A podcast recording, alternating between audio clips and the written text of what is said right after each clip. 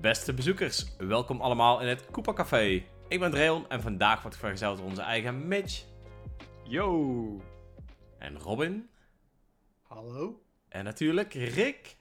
Wowie, zowie. Zij de Mario Wonder hater. ja. Ik vraag me echt af waar dat vandaan komt. ja, dat Dat is, Wowie Zowie, dat is echt helemaal uit het niets. eh, waar ze dat nieuwe vandaan stemacteur, gehaald. denk ik. Dat is een mooi nieuw dingetje, denk ik. Hey, wie weet horen we hem vaker. Maar, vandaag gaan we het natuurlijk hebben over Super Mario Bros. Wonder. En er staat de vraag centraal. Is 60 euro een prima prijs voor een game die maar van korte duur is? Dung, dung, dung. Boom. Maar Mario Wonder. Ehm, wie van jullie heeft er allemaal gespeeld? Steek allemaal je hand op. Iedereen, Ja, iedereen behalve behalve ik, Rick, voor de Ja. Rick, luisteraars. hoezo heb jij geen Mario Wonder gespeeld? Omdat ik niet van de sidescrollers ben. Maar helemaal niet van geen enkele sidescroller. Nee, nee, ik heb vroeger natuurlijk in het eh yo-ho, yo-ho eh, DS-tijdperk best wel de nieuwe eh, Super Mario Bros. games gespeeld. Maar ik, ik ben er gewoon niet zo van. Maar Dus, je hebt... begonnen met nieuw, je bent begonnen met nieuw Super Mario Bros. Dan snap ik het ook wel. Ja, dat was wel meteen eh, klasse. Nee, nee, nee. Dat is, ehm, ik heb het al eerder gezegd natuurlijk ook hier in de podcast. Ja, het, het is niet voor mij. En ik heb die eh, direct toen gezien. Ik zie echt voor, eh, voor een 2D sidescroller. Het ziet er echt super gelikt uit. Maar dan hoeft is nog steeds, niet- hoeft nog steeds niet je ding te zijn. Dus heb je Donkey Kong Country Tropical Freeze gespeeld? eh, ik heb hem destijds op de Wii U in de Virtual Console ge- gekocht. En die heb ik niet uitgespeeld. Tropical Daar ben Freeze? ik aan begonnen. Nee, de, ja, de oude. Oh, wacht. Het was een Donkey Kong Country. Was het dan een andere misschien? Ja, Tropical Freeze is de nieuwste. Oké. Dat is denk ik wel de, misschien wel de De meest gangbare in ieder geval. eh. Oké, nou, het was niet, nou kan je nagaan hoeveel ik ermee heb, dat ik dat onderscheid niet eens Ja. maakte. Het was in ieder geval die van Retro eh, Studios. eh. Ik zie Robin Ja. knikken. Ik bedoel niet qua makkelijkheid of zo, hoor, maar ik bedoel qua omdat die grafisch wel gewoon heel mooi Ah, ik is. zeggen, en, Tropical eh, Freeze vind ik best nog een pittige game. ik ga ervan uit dat Rick wel een beetje gamer is en Tropical Freeze wel kan spelen. Maar dat is een aanname die ik doe hoor. Ja, ik, ik dank je voor jouw grote vertrouwen, Rob, eh, Robin. Eh Dreon. Ja, Nou, een vraag die ik nog misschien wel interessanter vind, Rick, is: heb je Super Mario 3D World op de Wii U eh, gespeeld of op de Switch? Eh, op de Wii U helemaal uitgespeeld, behalve dat laatste kut level. Oké, want dat ligt heel dicht bij een sidescroller namelijk, hè? ja. Ja, nee, maar ik weet niet. Ik, die heb ik, het was sowieso natuurlijk tijdens de Wii U droogte, dus je had iets minder keuze.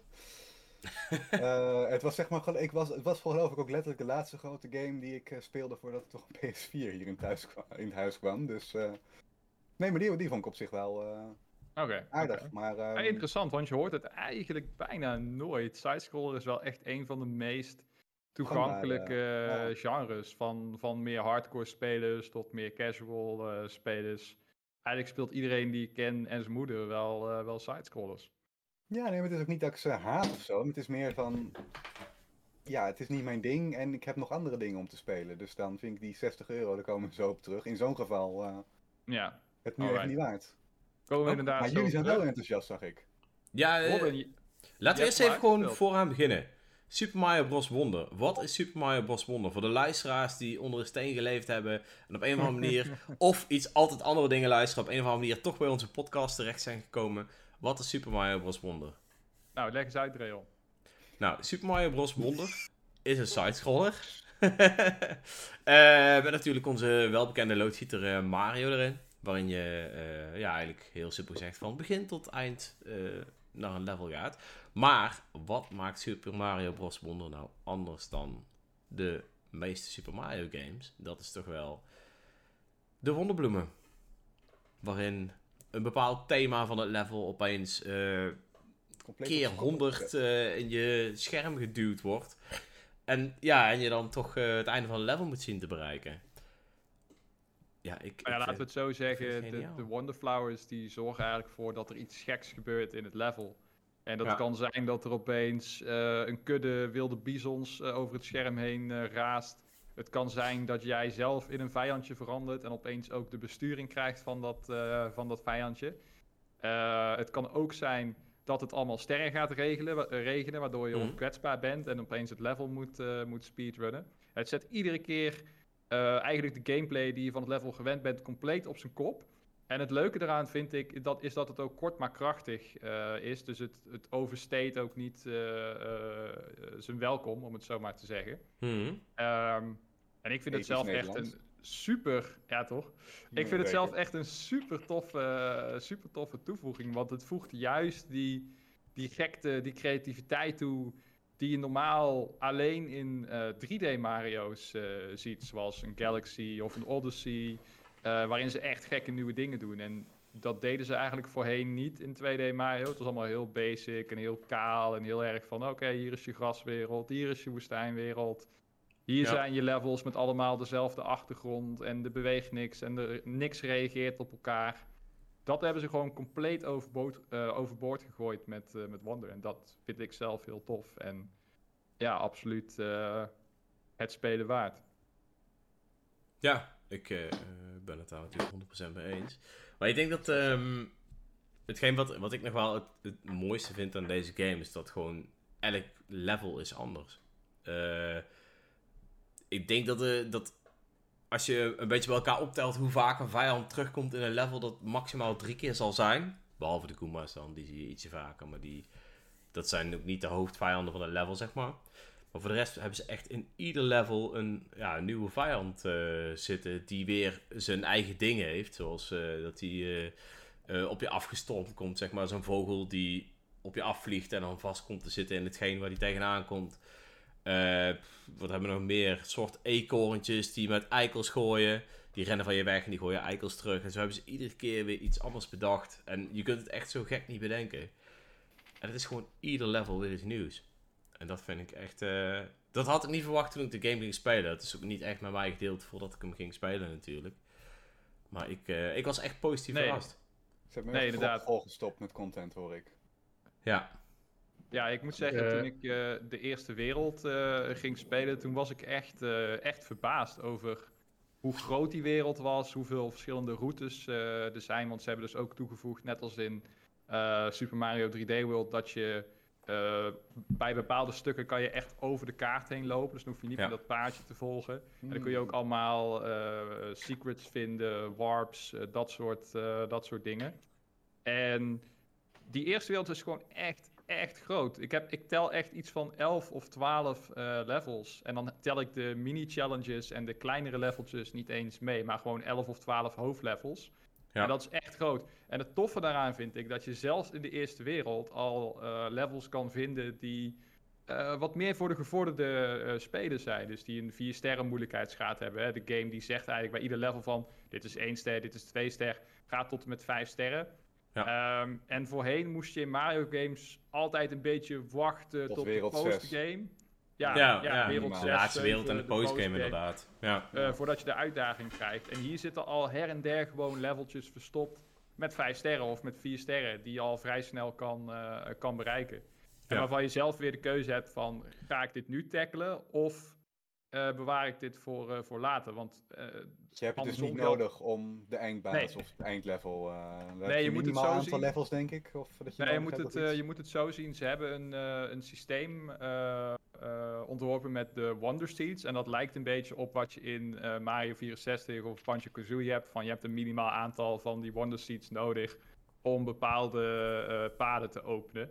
Ja. En dus ook het, het hoofdprogressiepad.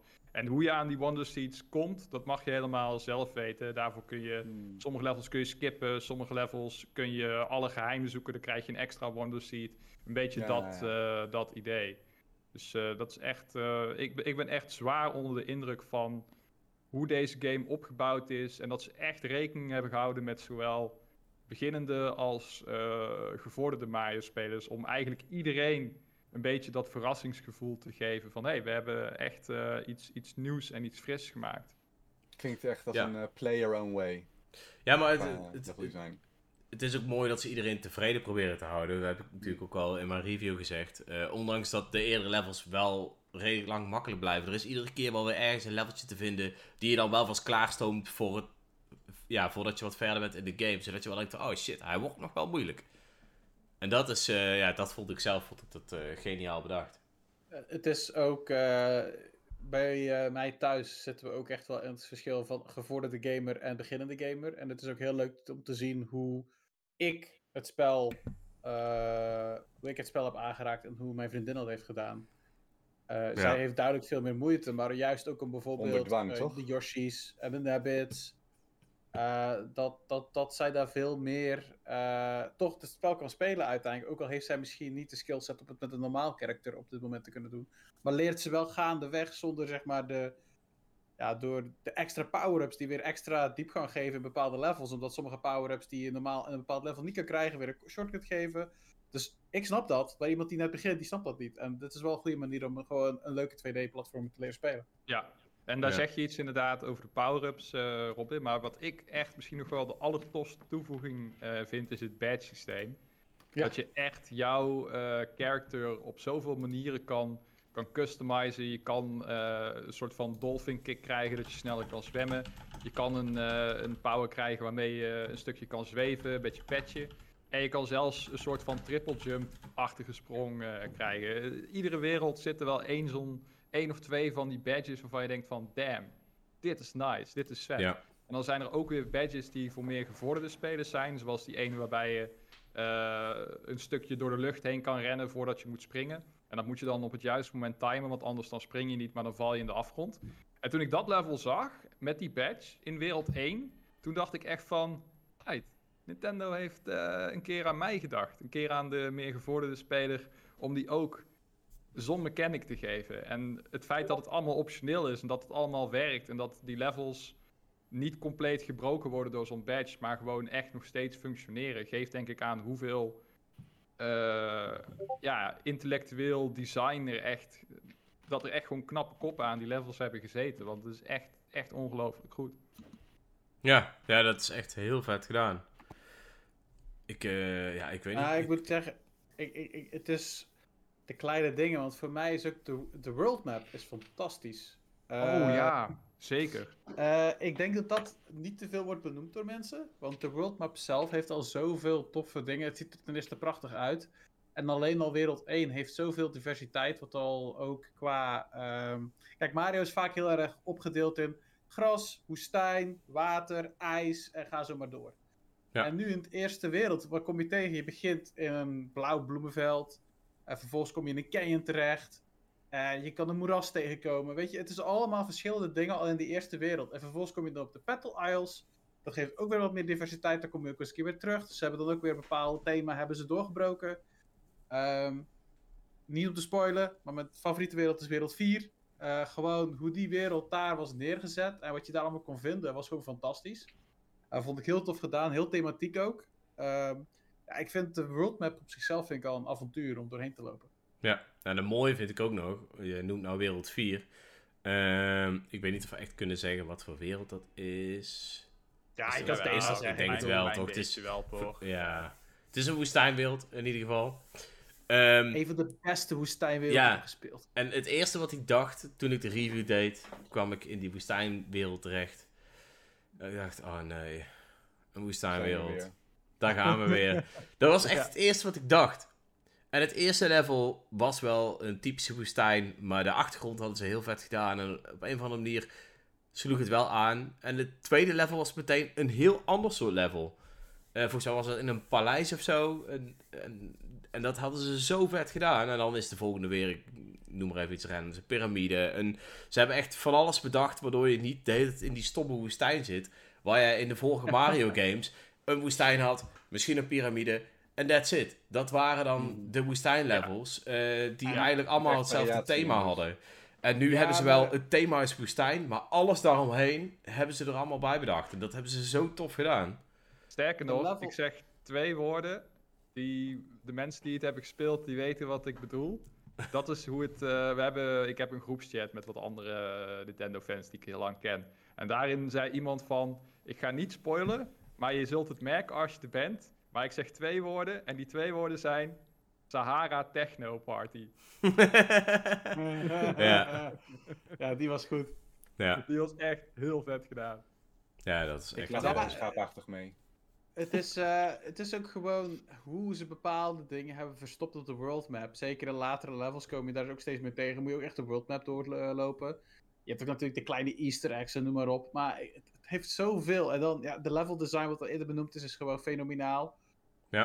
Eh, de power-ups zijn fenomenaal. De diversiteit in personages. Het is hartstikke leuk dat je van Mario tot en met eh Toadette kan spelen. Eh, dat je dan Yoshi of Nabbit kan pakken. Nabbit vind ik wel raar, maar hey, Nabbit is daar.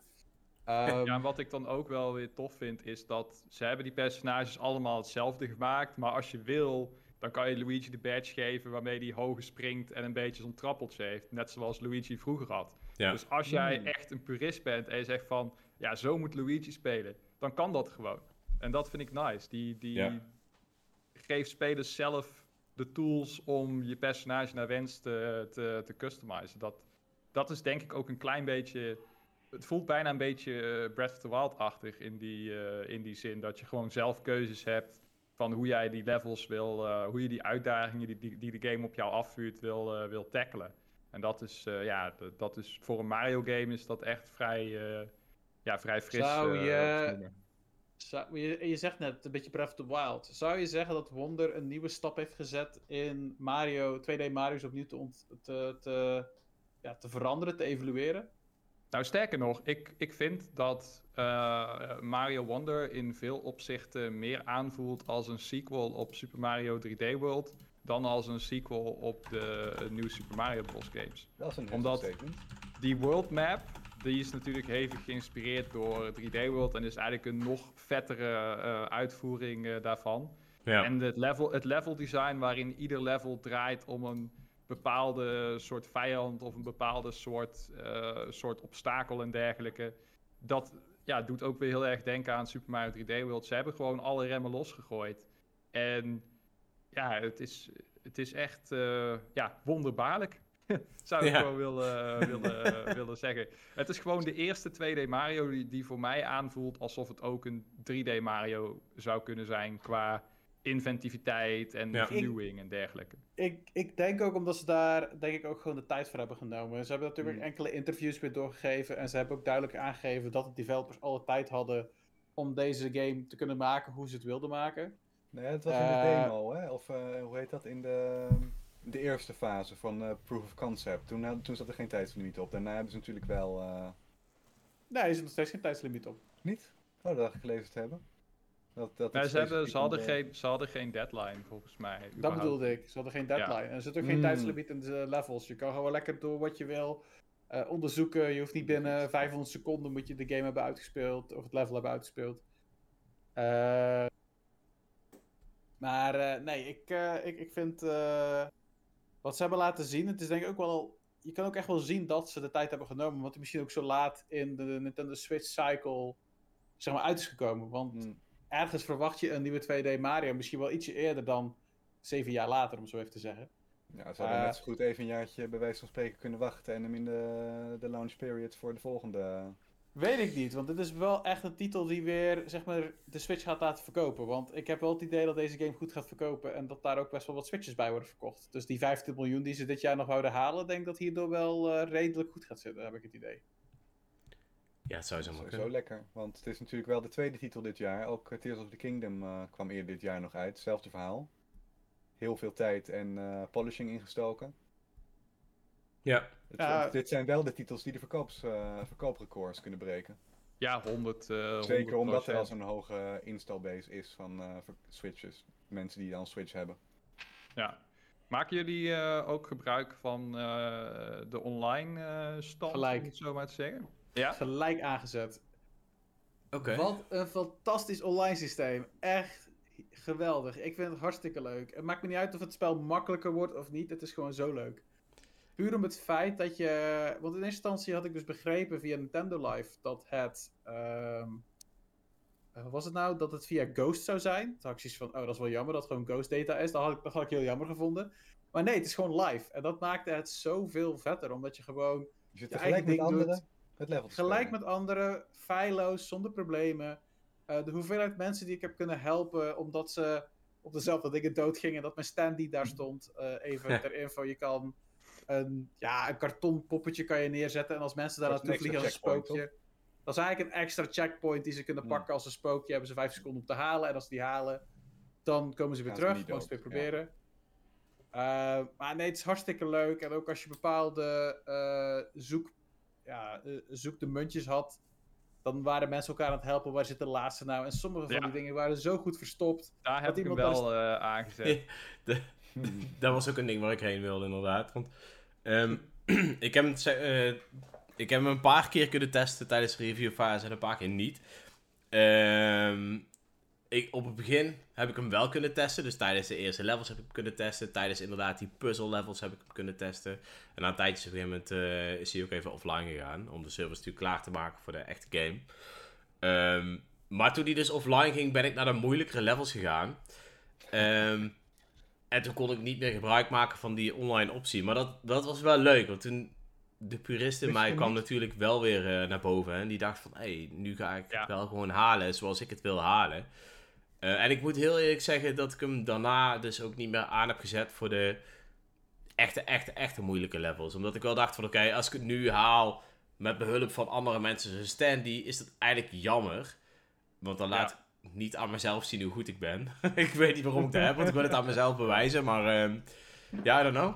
En, en inderdaad, met, die, met die puzzle levels was het wel heel fijn. Als je dan ergens één zo'n rotmunt niet kon vinden. En dan opeens kwam er zo'n andere dude uit, die stond zo te springen en eh, wat e- emojis te Hier, hier, spammen. Je, Die zette zijn stand die neer was. Ja, ja, hier is het. eh, die ene wereld waar je met al die pijpen had je dan, die Mhm. waterpipes. En dan had je er eentje die daar beneden verstopt zat. Dat duurde me echt zo lang voordat ik dat Ja. gevonden.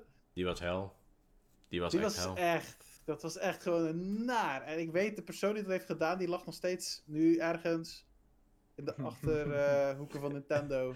Ja, het is wel leuk, want die, die, die zoeklevels die moedigen wel echt aan om die online stand eh, eh, in te schakelen. Want ze hebben allemaal, allemaal hidden blocks en sneaky eh, Ja. verstopplekken eh, gemaakt.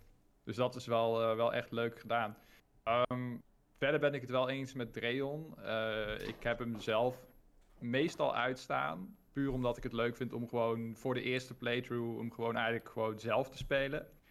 Eh, maar ik weet zeker dat als ik voor de 100% ga, dat ik hem dan wel aan ga zetten. Want dan is het natuurlijk heel chill om standees te vinden van... Oké, ja, hier zou je eens een beetje zo in de buurt eh, moeten zoeken. Ja. En dat eh, is voor mij een mooi alternatief in plaats van bijvoorbeeld Online een walkthrough pakken of, of Ja. YouTube of dat soort dingen. Dus wat dat betreft is het wel echt een leuk flexibel systeem en wederom optioneel.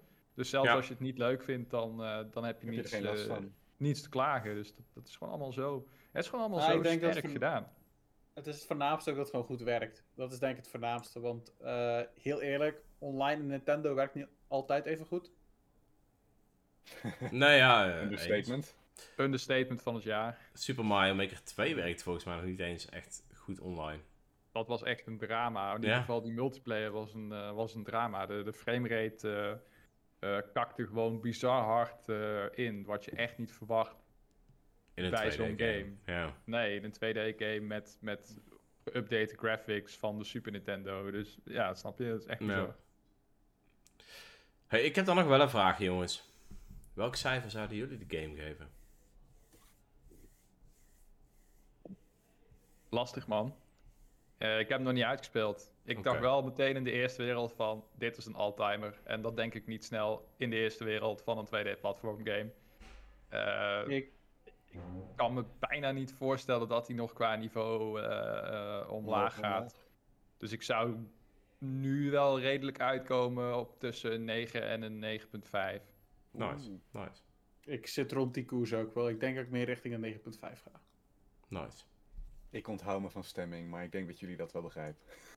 Nee, we begrijpen het niet, maar ehm, prima. Hebben we, nog, eh, hebben, we- hebben we nog echt, eh, echt eff- even onze kritische pet opzetten? We hebben nu heel veel veren en, en Mhm. bloemen in de reet van Mario gestoken, allebei. Eh, hebben we nog echte, echte kritiekpunten? Van jouw review, Dreon, weet ik dat je, jij de moeilijkheidsgraad toch over het algemeen een tikje aan de lage kant eh, vindt. De Ja. Dark Souls reflexen werden niet genoeg eh, eh, uitgedaagd. Getriggerd. Nee, nee. En heel eerlijk, ehm, dat is ook echt heel lang zo. En je hebt wel die wat moeilijkere levels tussendoor. En ze bieden wel wat uitdaging. Maar die echte uitdaging die je aan het einde van bijvoorbeeld Super Mario 3D World had. Ja, dat, dat duurt wel even voordat je op, op zulke soorten uitdagingen uitkomt. En dat is wel een ding waar ik vooral ook na Mario Maker misschien iets meer naar op zoek was. Omdat ook die game wat moeilijkere levels had. En dan kom je weer in deze game en het is, kei- ja, het is echt super leuk. Het is echt eh, van begin tot eind wel echt gewoon een, een mooie ride. Maar ik had wel graag iets eerder al wat meer eh, Hmm. moeilijkheidsgraad willen zien. Ik denk Maar dat ik bij mij voornaam, voornamelijk de, de bossfights zijn. Eh, ik vind dat er weinig variatie is, want ja, er, er- er is gewoon niet veel qua bossfight. De laatste bossfight trouwens, die is Die was fantastisch. vet. Ja. Die was echt holy shit. Mhm. Ehm, maar Nice. de rest valt, het valt niet tegen, maar ze hadden meer kunnen doen naar mijn idee. Het is heel duidelijk dat ze de focus hebben gelegd op de levels. Ja. En niet zozeer op toffe bossfights. Want eh, ik denk bijvoorbeeld dan aan, I don't know, Yoshi's Island 2 of zo. Die had veel meer unieke bossfights bijvoorbeeld. En ergens voelt deze titel ook een beetje als Yoshi Island. Omdat Yoshi Island ook rare dingen kon laten zien. Had ik zoiets van, hey, je gaat al echt extreem ver met de Wonder Seeds. Waarom je dan ook niet een stapje verder met bijvoorbeeld hele rare bossfights? En die, dat, dat viel een beetje tegen. Maar om te zeggen dat ik het mis, nee, want het was nog steeds gewoon leuk. Ja, ik, want het is dat je nu zegt en nu je dat zegt, ga ik denken, denk, oh ja, daar heb je eigenlijk wel een punt. Maar het is niet iets wat voor mij is blijven hangen als zijnde minpunt. Nee. Sterker nog, ik heb is- best wel moeite moeten doen om minpunten te bedenken voor deze game. ik had er echt best wel veel moeite mee, want ik, ik heb gewoon echt van begin tot eind gewoon echt genoten. En ik had er niet verwacht dat dat zo zou zijn. Ik had wel verwacht dat het een leuke game zou worden. En ik had eerlijk gezegd verwacht van, daar gaat, eh, weet ik veel, een achtje of zo naartoe. Ehm, want dat zou ook de afgelopen paar Mario games wel echt gegeven Mhm. hebben.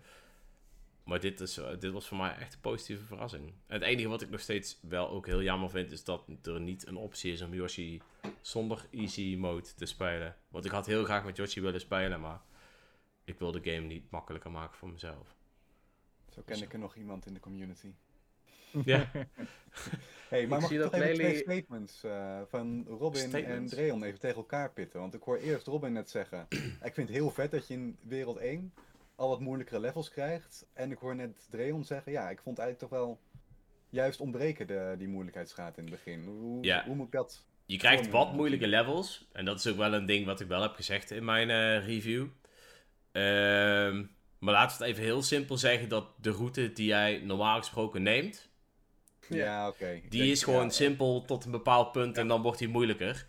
Ehm, moet en dat echt op duurt de- voor mij net iets te lang. En ik ben dan wel iemand die gelukkig meteen op zoek gaat naar al die andere levels. Dus je hebt tussendoor wel wat uitdaging. En dat is ook eh, wel een ding wat ik ook wel aangeef.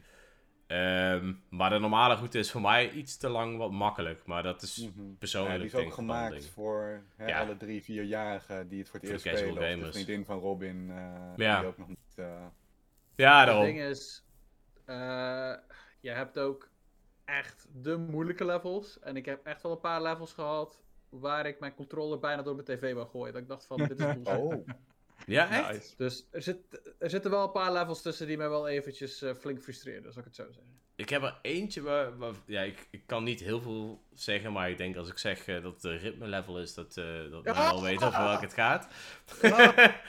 Dat is denk ik een van de vervelendste levels van de game. Vond ik zelf een van de vervelendste levels. Daar heb ik wel... Is eh, dat, Hey, is dat, is dat, is dat eh, Special World 2? Ja, Ja.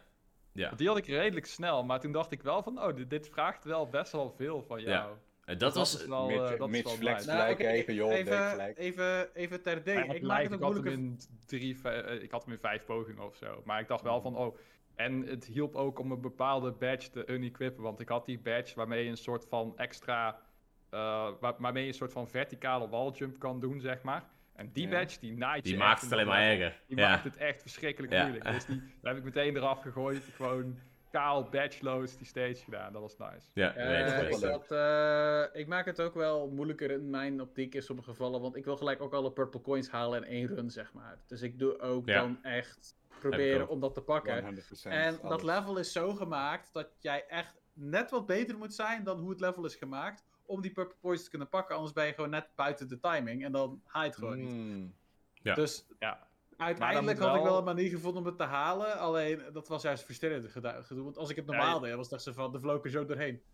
En uh, hoeveel moet wel, heb ik, je moet wel zeggen, ik moet wel zeggen dat eh, eh, de game is niet zo hardcore dat het jou vraagt om alle purple coins in één run te halen. Mhm. Dus je kan zeg maar falen, Doodgaan. doodgaan. wel de munt pakken en dan is die munt Nog grijs. En dan eh, kun je hem Ja. gewoon overslaan de volgende keer. Dus dat is wel chill Ja. voor eh, de Robins onder ons. Maar Robin, hoeveel eh, levens was je kwijt aan die... eh, Ik denk het eh, na 7, 8 beurt of zo. Ik had 8 levens of zo dat ik had verloren. Dus het, eh, het, het had wel even mij. Het ergste was, ik geloof bij mijn tweede run had ik hem eigenlijk gehaald. En mijn walljump dat wou niet pakken. goed Dus... genoeg? Nee, ik zat op het laatste punt en mijn walljump pakte hem niet. En toen was ik zo gefrustreerd. Toen viel ik naar beneden. Toen ben ik klaar. Dacht ik, meen je dit nou? Echt. ja. Ik Dus, hoor het, dat is eh, het moment dat je controller bijna in je tv Ja, ja, ja. Over, over frustrerende controlemomenten gesproken, Dreon. Eh, als ik aan frustrerende Mario-levels denk, dan staat op één, denk ik, dat ene level uit eh, Super Mario 3D World, het Mhm. aller, allerlaatste level, Special 8 Hou Crown, volgens Mhm. mij. Daar heb ik denk ik wel 100, 150 levens eh, eh, overboord gegooid. Mhm. Eh, op 2 staat de Perfect Run uit Mario Galaxy 2, waarin je dat laatste level weer perfect moet doen zonder gehit te worden, al die dingen en zo. En pas op 3, maar dan wel echt een stukje onder die twee, staat dat laatste level uit eh, Mario Odyssey, eh, Dark Side of the Moon. Oh Die ja. ene gauntlet waarbij je al die challenges achter elkaar moet doen met al die transformaties en boss fights en noem het op. Mhm. Oh ja, Ehm. Als je die drie levels pakt, zit er iets in eh, Mario Wonder wat een beetje op dat niveau zit? En zo ja, waar zou je dan zeggen dat het ongeveer een beetje valt? Oeh. Heb jij het 100% al? Nee, ik moet het allerlaatste moet ik nog doen. Dus dat durf ik nog niet 100% zeker te zeggen. Oké. Ehm. Maar het, van hetgeen wat ik tot nu toe heb meegemaakt, denk ik nog niet. Maar ik, Nee, maar vaak is dat ook echt ja, het aller- ik verwacht dat dat, dat eh, allerlaatste level. level gaat Dus, zijn waar ik nog Ik ben benieuwd, want ik weet niet of ze dat, of ze dat ook wel eens een 2D Mario hebben gedaan. Ik weet dat eh Hmm. nu Super Mario Bros. 2 op 3DS, die had downloadbare DLC expert courses. Maar Ja. in een 2D Mario is meestal tot nu toe, denk ik, het laatste, is er niet een super geheim top level wat je pas vrij speelt als je alle andere dingen in het spel hebt gehaald. Dus eh, ja, ik ben benieuwd of ze dat deze keer wel gedaan hebben. Omdat deze game juist ook zoveel elementen uit Mario 3D World. Ik heb er wel een eh, antwoord op, maar die ga ik niet geven. Dus, eh, ik ben benieuwd in ieder geval. Ja. Ik ben heel benieuwd. Ik eh, denk dat ik het jullie eh, over een paar dagen al zou kunnen vertellen. Dus wordt Nou, episch. Vol verwachting klopt ons hart. En Rick, ben je al overtuigd?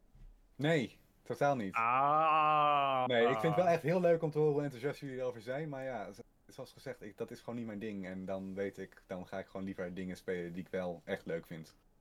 Fair enough. Fair enough. Ja. We hebben ons best eh, Ja. gedaan. Ja, maar als iemand jou de game al- zou uitlenen, zou je het dan proberen? Zou je het wel een Eh, poging willen geven als je er niet voor hoeft te betalen? Want dat is uiteindelijk de drempel natuurlijk. Ja, nou ja, goed. eh het hangt natuurlijk ook een beetje vanaf omdat ik best wel een grote backlog heb. Maar eh, als dat op een juist moment eh, iemand zegt van, joh, wil je me een keer lenen? Zou ik het zeker wel, eh, in ieder geval de eerste wereld. eh, ik, en dan hangt het vanaf hoe leuk dat blijft, of dat nog vervolgwerelden worden. Ik, eh, ik moet zeggen dat eh één ding wat ik persoonlijk heel chill vind aan Mario Wonder, en dat heeft eigenlijk meer met mij te maken dan misschien met de game. Mhm. Maar eh, Mario Wonder is nog steeds een game die ik wel echt gewoon prima een uurtje per dag kan spelen. Eh, of dat ik één wereld per dag doe of dat soort dingen. Het is niet zoals bij Tears of the Kingdom dat ik echt gewoon als een zombie achter de Switch zit, weet je wel. En de uren voorbij vliegen en zo. En Hoeveel dat vrije ik... dagen had je ook weer genomen voor Tears of the Kingdom? eh, Twee weken volgens mij, toch? Ja, maar ik had, het, kost, het kostte me maar vier verlofdagen. En ik had twee weken daarmee, omdat er ook allerlei feestdagen of dingen Ja. in, die, eh, in die koers zaten. Dus dat En was echt... Iedereen die nu denkt, wat is die Mitch een gek? Dat doet hij maar één keer in de zeven jaar, hè? Als we een- Inderdaad, als er een Zelda uitkomt, beste twee weken van dit jaar. Nee, trouwens, twee, nee, nee, nee, niet de beste twee weken van dit jaar. Ik ben ook nog echt op vakantie geweest. Maar dat was mijn op twee na beste vakantie dit jaar in ieder geval. Nee, maar ik moet zeggen dat ik het wel echt heel lekker vind om op deze manier eh, tussen haakjes verslaafd te zijn aan een game. Dat ik hem gewoon maar een uurtje per dag kan spelen. eh, een leuke tijd heb, even wat leveltje. Af en toe speel ik een leveltje, ga ik iets nuttigs doen. Speel ik een leveltje, ga ik iets nuttigs doen. Ja. Ik moet zeggen, dat is echt, echt heel, eh, heel chill aan zo'n game als Mario Wonder. Je kunt het prima tussendoor spelen. Het is heel erg pick-up and play. Hmm. Eh, en je, je, je volwassen verantwoordelijkheden gaan er zeg maar niet te veel van naar de kloten. Ook al is de game echt, echt Leuk. fucking goed. Mhm. Ja. hey, maar een van de punten die wel regelmatig werd aangehaald, natuurlijk eh, door eh, mensen uit onze community, do- door sowieso heel veel eh, gamers die de game eh, willen spelen. Ik zie het hier toevallig ook al in de chat voorbij komen. Ja, ik zou daar geen 60 euro voor neerleggen. Hoe, hoe lang ben je ongeveer bezig voordat je de eindbaas ziet? Eh, volgens, eh, ik heb mijn huiswerk gedaan, want ik dacht van we gaan het hier eventjes eh, even wat games opnoemen met tijden. Nou, ster, heeft- Robin. Tussen, als je hem complete, ongeveer gemiddeld 16 uur. Als jij snel redelijk goed doorspeelt, dan kan je hem tussen de 8 en 11 uur kan je hem uitspelen. Eh, dat zit ongeveer, ga ik even een paar games langs. Super Mario World is ongeveer 7,5 uur en 9,5 uur. Yoshi's Island is 11 tot 17 uur. Super Mario 3 is 6 uur. Metroid Dread is 9 tot 14 uur. Eh laten we nog eens een leuke pakken. Donkey Kong Country is 4 tot 6. Eh, even kijken. Tropical Freeze is 10 tot 31. Ja, ik denk het allemaal kutgames als ik het zo hoor. Ik bedoel, als 60 euro dat niet meer kan, dan... eh, Nee, dat is eventjes heel erg serieus natuurlijk. Maar Nee. ja, nee, ben ik het niet mee eens. Dat. Nee, ik, Maar nee, ja, ik, ik vind het ook nooit echt een heel sterk argument van, oh ja, het is 2D en het is korter, dus het is geen 60 euro waard. Voor mij is het gewoon het plezier wat je eruit haalt. En eh, ja, zo'n game is echt niet alleen maar van je gaat naar het einde. Als je het leuk vindt, kan je gewoon alle secrets gaan zoeken. Je kan hem completen, Mhm. je kan hem speedrunnen. Je kan alles uit de game halen wat Ninten- Nintendo erin heeft gestopt. Je kan meer uit de game halen dan Nintendo erin heeft gestopt als je hem echt heel leuk vindt. Dat is gewoon echt een ieder voor zich eh, dingetje.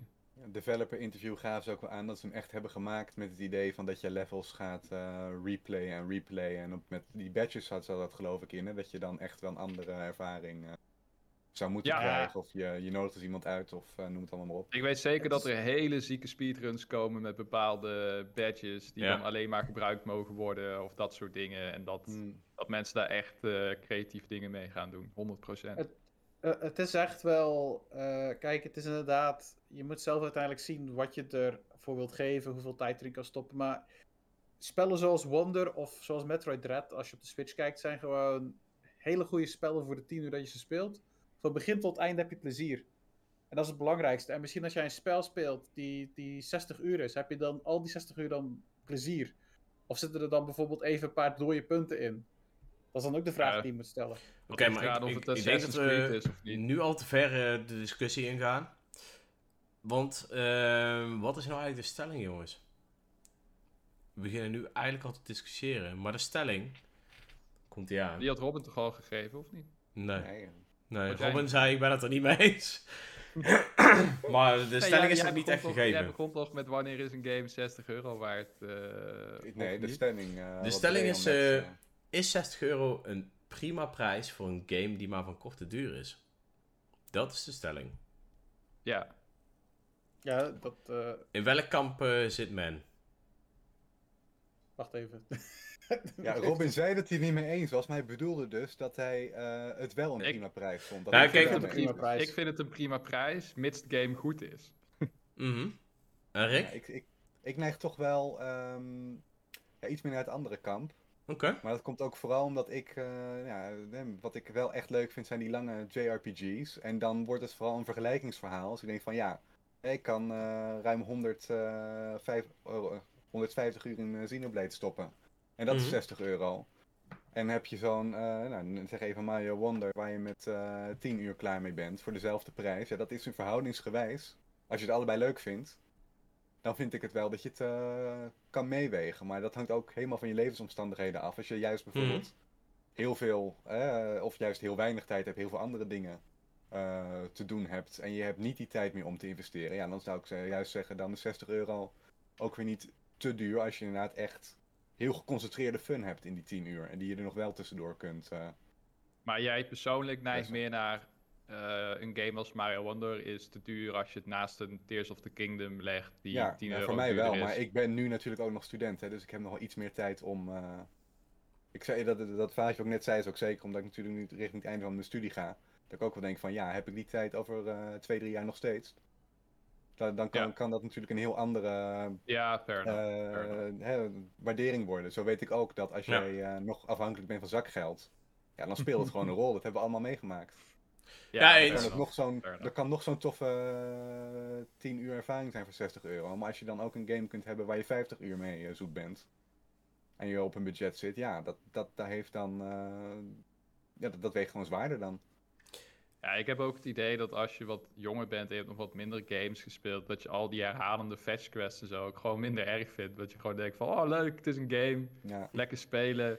Eh, maakt niet uit dat ze me voor de vijfde keer vragen om vijf appels te verzamelen eh, of hout te hakken of weet ik veel wat allemaal. ik doe het gewoon, want ik heb toch alle tijd van de wereld. En eh, ja, anders moet ik weer drie maanden wachten tot ik weer een game ga kopen. ja, ja ik heb eh, de eerste Ubisoft-style game, dat was op de Wii U.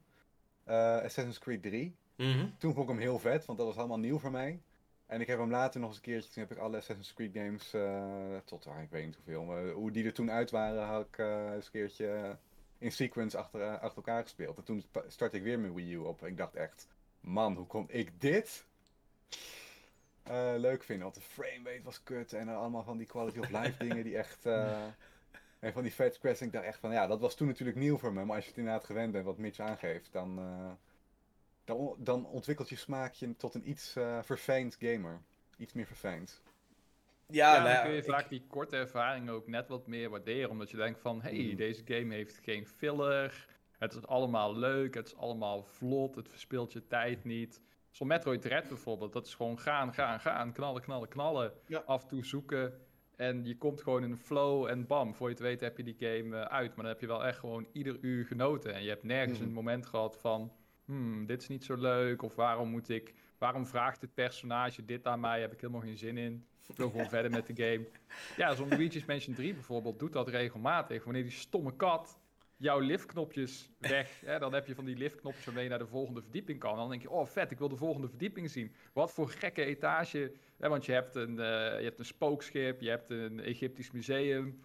Noem het maar op, je hebt een discovloer. Wat voor gekke etage gaan ze nu weer bedenken? Nee, die stomme kat komt. En dan moet je vervolgens gaan backtracken door eerdere etages om die kat weer terug te vinden. En de enige reden dat dat in die game zit, is zodat te mensen zeggen van... Ja, Luigi's Mansion 3, eh, daar, daar heb ik zeker wel eh 40 uur in eh, kunnen steken. 40 uur. Ja, bij, bij wijze van spreken, hè. Ja. Ja. In plaats van 20 uur, want ik weet zeker... niet- Ja, nee, ik overdrijf een beetje, maar die game zou wel makkelijk 5 uur of zo korter zijn als die stomme kat er niet was geweest. En wat mij Hmm. betreft ook een betere game. Want toen Ja. het voor de derde keer gebeurde, hadden mijn vriendin en ik allebei zoiets van... Nee, Oh, nee. Ja. nee. Ja. Oké, eh, sluit die game maar af. We gaan het de volgende keer wel weer verder. Mhm. ja. Nou, wat ook trouwens wel meespeelt, denk ik, in waardeperceptie, is dat je tegenwoordig heel kwalitatieve indies hebt, die ook ongeveer zo lang duren. Maar die dus wel dan voor, wat is het, eh 15, eh 25 euro in de e-shop zitten. Ja. En dat, ehm, als ik dat dan vergelijk van, ja oké, hè, tuurlijk, een, een, een Wonder ziet er veel gelikter uit. Maar eh, ze hebben op, inmiddels, bij, eh, als je echt een kwalitatieve indie hebt, kom je over een drempel heen of je denkt van, ja, dit is ook gewoon meer dan prima, weet je. Ja, nou ja, En kijk, ik, ik Dat vind... het wel met elkaar gaat concurreren een beetje zelfs. Ja, kijk, als je, ah, je, je kunt inderdaad ook kijken naar hey, wat zijn de productiewaarden van deze game en rechtvaardigen de productiewaarde de prijs. En dan kijk je naar Metroid Dread, die heeft echt gelikte graphics, gelikte cutscenes, Mm. momenten waarop je in derde persoon gaat en zo. Dat is echt niet iets wat een indie studio kan, eh, kan maken. Eh, een nieuw Super Mario Bros. of een Sonic Superstars daarentegen, ja, dat ziet er wel echt best wel cheap uit. Mhm. En ik vind Mario Wonder net aan de kant staan van... Oké, ze hebben deze keer echt moeite gestoken in de levelthema's, in de nieuwe vijanden, in de animaties, in de artstijl. Het is allemaal zoveel... Het voelt veel is meer echt high goed budget over nagedacht. Ja. dan een, eh, dan een nieuw Super Mario Bros. Ook al zou je misschien bij de eerste beelden denken van... Ah, dat lijkt wel een beetje op, eh op nieuw Super Mario Bros. Maar zodra je het Mhm. gaat spelen, ik, eh, ik, was, eh, ja, ik was wel prettig, eh, prettig verrast. Dus... Maar het is natuurlijk nu ook. eh, op, wat mensen heel veel vergeten. Want mensen zeggen altijd: ja, Nintendo die, die, die doet niet echt. eh, die heeft niet echt concurrentie of dit en dat. En het punt is: de concurrentie bij Nintendo is niet alleen een, in gaming. Het is ook buitenom. Want alles wil je aandacht hebben. Een serie, een, een, een, eh, een film, een boek, noem maar op. alles wil je aandacht hebben tegenwoordig. Mhm. Zelfs je social media wil je aandacht hebben. Dus er moet wel een, een, een reden zijn waarom jij 60 euro wil neerleggen voor een spel. En als een wonder of een dread dat doet, dan ga je daar ook je tijd in stoppen op dat moment. Eh, en ik wil dat deze titels dat gewoon ook heel goed doen. En ook gewoon jou plezier gunnen die je op een andere manier waarschijnlijk niet kan krijgen. Want waar, eh, waar sta jij in deze discussie, eh Dreon? Ben ik wel even benieuwd naar. Want we hebben nu mij, Robin en eh, Rick gehad. Ja, ik, ehm, ik heb wel een leuke. Kijk, ik ben natuurlijk een mega fan van RPG's. Ik ben ook Mhm. echt een mega fan van heel veel tijd steken in een game. Eh, maar juist omdat ik de afgelopen jaren heel veel tijd heb gestoken in grote games. Eh, ik, heb, ik heb volgens mij ook een moment gehad waarop iedereen voor het site is de reviewer van de grote games, van de RPG's. Nog steeds, Ehm, dat die mago heb je nog steeds. Ja, nog steeds wel een beetje, maar dat was, toen was dat helemaal eh, heftig. Gelukkig zijn Robin en ik ook bij de redactie inmiddels. Ja, dat scheelt al een hele hoop. verlichten. Maar ehm, eh, juist omdat ik dus die eh, lange games speel, ben ik het ook gaan waarderen eh, om games te spelen die binnen, weet ik veel, tussen de 4 en de 8 uur gewoon voorbij zijn. Dat gewoon, cleanser. sterker nog, ik kan af en toe zelfs nog wel een game waarderen die ik binnen één avondje uit kan spelen. Waarvan ik gewoon zeg van oké, vanavond ga ik deze game spelen. Aan het einde van de avond heb ik hem uitgespeeld. Ik hoor van iedereen dat het een super vette ride is, dus let's go. Ehm, ik noem even een voorbeeldgame To The Moon. Ik weet niet of iemand van jullie hem gespeeld heeft. Ja. Is een verhalende RPG-achtige game. Waar je niet vecht, maar wel eh, ja, voornamelijk gesprekken voert en zo. Ehm, er zit een heel goed verhaal in. Eh, mooi thema ook. Eh, emotioneel thema. En dat is, dat is gewoon van begin tot eind. Dat het gewoon een leuke emotionele achtbaan waar je overheen gaat. En dan ben je er klaar mee. En dan heb je genoten. Eh, ga je even goed nadenken over de dingen die je gezien hebt. En dan is het ook prima. Eh A Short Hike. Ook een game van volgens mij maximaal twee uur of zo. Zulke Ja, games, Fantastisch. ja, zulke games, die ben ik ook steeds meer eh, gaan waarderen. Ik ben het er helemaal mee Ehm, eens, want ik, ik, ik begon gamen. eh, Het nadeel is dat ik zoveel games heb gekocht dat ik eh, het idee heb dat ik moet gaan afvinken. Van shit, ik heb die game gekocht, dus daar moet ik ook tijd in gaan stoppen. En juist wanneer ik dan een korte game heb, dan ben ik blij dat ik het vinkje kan hebben van ik heb hem uitgespeeld, ik heb er mijn tijd in gestopt en ik kan er naar teruggaan wanneer ik het wil. Maar ik heb nu nog deze games die ik wil spelen. Ja, en, en dat is ook een beetje het ding. Kijk, ik, ik heb nu een bepaald punt in mijn leven bereikt waarop ik helaas niet meer zoveel tijd heb voor gamen dan ik ooit heb gehad. Ik ben eh, tijdens mijn vakantie eh, naar Japan ben ik eh, Persona 5 Royal begonnen. Nou, dat is een game waarvan ik kon weten dat die heel erg lang is. Eh, die heb ik wel met wat games die tussendoor natuurlijk zijn verschenen en zo eh, eigenlijk altijd gespeeld. Na 158 uur had ik de game uitgespeeld. En dat heeft me, eh, ja, weet ik veel, bijna een half jaar gekost om die game uit te spelen. En dan laat ik wel zien dat ik eigenlijk niet meer zo, ja, niet meer zo, zo makkelijk kan genieten van lange games.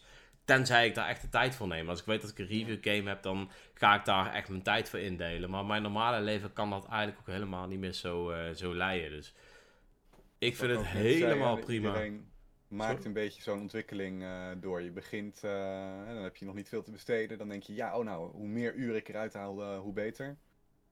Ja, En op een gegeven moment krijg je dan wat minder tijd. En dan ga je en meer geld. Dus dat is het omkeerpunt Ja. ook. Ja, ja. En, en we moeten ook... En dan als je eh, straks het bejaardentehuis in gaat draaien, dan, eh Dan- dan zien hoe je dan... eh, Komen de lange games er weer aan. ja, maar dan heb je geen reflexen meer. En allemaal eh, artritis en weet ik veel Ja, maar gelukkig spelen we RPG's, die zijn meestal niet zo... eh, Ja. Maar ja, wat inderdaad. zeggen? En, turn-based gaat altijd snel genoeg. Ook als je echt zelf helemaal niet snel meer bent. Want dat is gewoon je eigen tempo.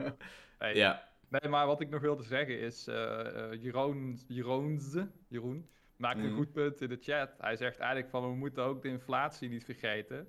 Ja. Eh, wat is tegenwoordig nog 60 euro? Daar haal ik mijn boodschappen nog niet voor.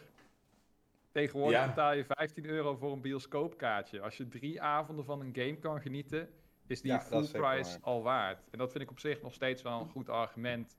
Eh, ja, de inflatie is er. Eh, alles wordt duurder. Games zijn nog steeds 60 euro. Dat waren ze ten Mhm. tijde van de GameCube ook 20 jaar geleden. Eigenlijk zouden ze duurder moeten zijn, maar ontwikkelaars proberen het natuurlijk terug te verdienen met hè, nou dingen als DLC en Ja. microtransacties en al die dingen die, waar, waar wij een hekel aan hebben. Eh, Nou ja, als een, als een een keuze. ontwikkelaar DLC goed aanpakt, Nou. heb ik er absoluut geen probleem mee. Maar het probleem is dat niet de meesten dat niet doen. En dan Nou, heb je ik- helemaal van die eh we snijden het eruit. Ik zag natuurlijk wel, eh, dat zegt Lelystad, ze zei dat straks ook al, voor de PlayStation eh 5 en Xbox, eh, weet ik veel hoe, dat, hoe de nieuwe Xbox, Xbox wordt heet. Ehm, daar is het wel al richting de 80 euro. Hè? Daar kost een game wel al 70 of Ja. 80 euro. ja, dus ja, ja. De kans bestaat die natuurlijk ook wel. heel erg op de graphics. En dat is omdat al die polygonen Ja, zo maar- enorm omhoog gaan. Onderschat niet de kosten die Nintendo ook aan betalen is in hun, eh, in hun Mm. ontwikkeling. Want ook al laat de ontwikkeling van, eh, nou, laten we zeggen Spider-Man 2, die heeft waarschijnlijk heel veel geld gekost. Maar ik denk dat het Mario Wonder ook niet doet onderschat worden hoeveel geld die heeft gekost. En ik denk eerlijk gezegd dat het reëel zou zijn om daar ook Mhm. 70 of 80 voor te vragen. Niet Hebben ze in omdat die Amerika spel... al gedaan met Tears of the Kingdom, hè? Ja, Dat was toen ja. eh, ook ophef. eh, Ja, in Nederland ook. Was die ook 70. Ja, klopt. Ja, het in, punt Amerika is- was het op- in Amerika was de ophef meer omdat ze het niet gewend waren. Want bij ons in. Europa was Breath of the Ah, Wild eh, ook al 70. Het punt is dat uiteindelijk, als je heel gaat kijken, zouden spellen nu, geloof ik, als je inflatie echt correct zou berekenen, zouden ze ergens rond de 90 euro moeten zijn. Ja, dat vind ik ook duur. En dan zou ik ook minder spellen kopen. Maar eigenlijk betalen wij heel weinig voor onze hobby, kijkende naar hoe Nou, hoe andere inderdaad hobby's. over de 20 jaar is gegroeid. Ja, tegenover andere hobby's die wel duurder zijn geworden. Ja. Eh, Ja. Dus ik denk dat we bij geluk mogen spreken dat het misschien maar 10 euro omhoog is gegaan. En dat de volgende generatie misschien ook die 70 maar net gaat halen. Ja. Ehm, Ik, eh, ik denk dat we het eh, nu te veel eens zijn met elkaar. Dus ik ga hem eh, eventjes wat, stok in gegooid. controversiëler maken. Komt hij aan. Eh, we gaan deze stelling namelijk een beetje uitbreiden. Ik ben namelijk heel benieuwd wat jullie mening is over in hoeverre je bij een... eh, hè, wij zijn allemaal reviewers, wij reviewen games, wij hangen daar cijfers aan. In Mhm. hoeverre moet je de prijs van een game meetellen bij een, eh, eh, bij een review? In hoeverre heeft dat invloed op het cijfer? Vinden jullie dat dat het cijfer moet beïnvloeden of vinden jullie dat de ervaring centraal moet staan? Ja, in Ik- extreme gevallen wel, maar wa- waar zou je dan de lijn trekken? Kijk, ik moet heel eerlijk zeggen, ik weet ook niet zeker of ik het gedaan heb. Zou ik terug moeten kijken? Of ik hem bij Metroid Dread heb betrokken erin? Zou ik terug moeten kijken? Ik ga ik heb re- de eerste keer, en ik denk dat het ook deels gekomen door een van onze communityleden, omdat daar best wel discussies in onze Discord over zijn geweest, heb ik prijs ook benoemd bij mijn review van, of ja, deels review van ehm, de Scarlet DLC. Pokémon Scarlet Mhm. en Violet DLC. Van hoe die nu is, vind ik hem niet 30 euro waard. Maar als jij een grote fan bent en je wilt bijvoorbeeld gaan, eh I don't know, VGC of je houdt van Pokémon's vangen, dan is die wel de 30 euro waard. Maar persoonlijk zou ik Hmm. zeggen van niet. Dan heb ik het wel benoemd. Ehm, eerlijk gezegd vind ik Nintendo sowieso wel een apart figuur in de prijzen. Want een Metroid Prime Remastered is 40 euro. Terwijl dat een hele goede value is voor die 40 euro. Maar eh, Mario vs. Donkey Kong is geloof ik 50. En die zou ik weer geen 50 geven. Dus dat vind ik wel weer apart. Dus ik vind bij Nintendo sowieso nu wel dat ze een beetje op een prikbord aan het lijn en denken van... Hé hey, jongens, wat is de prijs van Zelda? Ah, laten we even kijken. Oh, we hebben Miyamoto, pak Oh, het dartboard! Ja, we hebben gewoon een dartboard met prijzen. en ze dachten bij Tropical Freeze... hey, hoeveel was die op de Wii U? 50. Ah, even kijken. Hij is 60 nu. Let's go. Weet je, het is heel raar. We zijn het gaat nu veel beter met ons bedrijf. Nu kunnen we er wel 60 Kunnen we, eh, we komen ermee weg. Ja, het is gewoon raar, want ik vind, ik vind het heel raar waarom, waarom Metroid Prime Remastered 40 was en dat Mario vs. Donkey Kong waarschijnlijk minder werk is ingestopt. Even aanname, want hij is nog niet uit. eh, dat daar 50 wordt voor gevraagd. Dus dat vind ik wel eh, interessant. Daar betaal je Mario Premium voor, kennelijk. nou, ik moet heel eerlijk zeggen, ik heb het wel regelmatig overwogen om het in mijn Hmm. eh, review te doen. Ehm, maar op een of andere manier is het voor mij persoonlijk, en aangezien een review natuurlijk een ding is wat voor jou persoonlijk is, is het voor mij persoonlijk niet echt een ding wat meeweegt. Hmm. En dat is waarschijnlijk ook door de situatie waar ik in zit. Hè. Ik, eh, hè, ik werk, ik heb een huis, eh, ik, eh, ik, ik heb Ja, het prima. Speelt, Voorlopen. speelt het, speelt het En- misschien ook wel mee dat, dat wij natuurlijk ook de meeste games de zaakjes gratis krijgen. Ja. Ja, maar dat Dan is, denk- dat is niet er per se een ding. Dat is dan Nee, niet dat- per se een ding. Ik denk me wel altijd van, zou ik ervoor willen betalen? Dat moet ik wel Ja, heel wil eerlijk toegeven. Dat denk dat ik wel. Daar heb ik, eh, daar, heb, Ik- daar heb ik ook wel. Maar ik wilde het wel even benoemen, want misschien zijn er sommige mensen die denken van ja, die mensen hebben makkelijk lullen. Zij krijgen games gewoon rechtstreeks van de uitgever. Mhm. Eh, snap je? Daar Ja. kan ik me voorstellen. Maar inderdaad, mijn uitgangspunt is ook altijd wel van, eh, is dit het geld waard?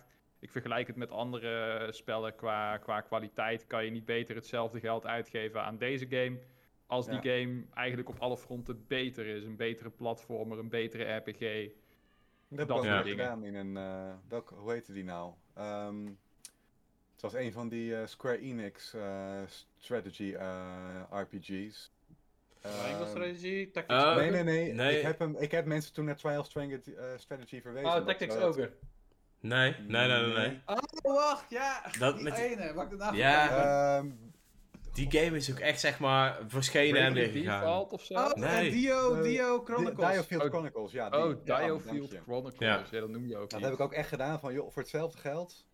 Je moet gewoon echt naar het, naar het, oude, naar het oudere broertje van dit jaar gaan. Want dat, dat was echt kwalitatief in alle opzichten de superieure. Ja. Eh, dus dat heb ik wel één keer gedaan. En ik weet ook dat ik impliciet, maar dat zeg ik nooit echt, hè, dus in de review zelf, bij indies die goedkoper zijn, denk ik altijd wel wat meer ja, lenient ben tegenover de ontwikkelaars. Omdat het dus niet hetzelfde is als een eh, AAA se- 60 euro game. Noem eens Ja, even jij, eh, een, een game ter vergelijking. Eh, hoe bedoel je? Dat... ehm, Ja, die, Nou waar ja, je dat over denkt. Sommige... Nou, ehm hoe... Wat, wat, hoe heette die? eh, maar die... Ik, ik kan even niet direct een voorbeeld noemen, maar er zijn soms best wel dat je ziet in de mechanics dat die net een beetje clunky zijn. Dat ik Mhm. dan denk van ja, maar goed. Hè, je bent er en korter mee bezig. En het is een goedkopere prijs. Dus ik vind dan niet dat, dat je dat heel erg tegen zo'n kleine ontwikkelaar. eh, als de overall experience wel leuk is, mag houden.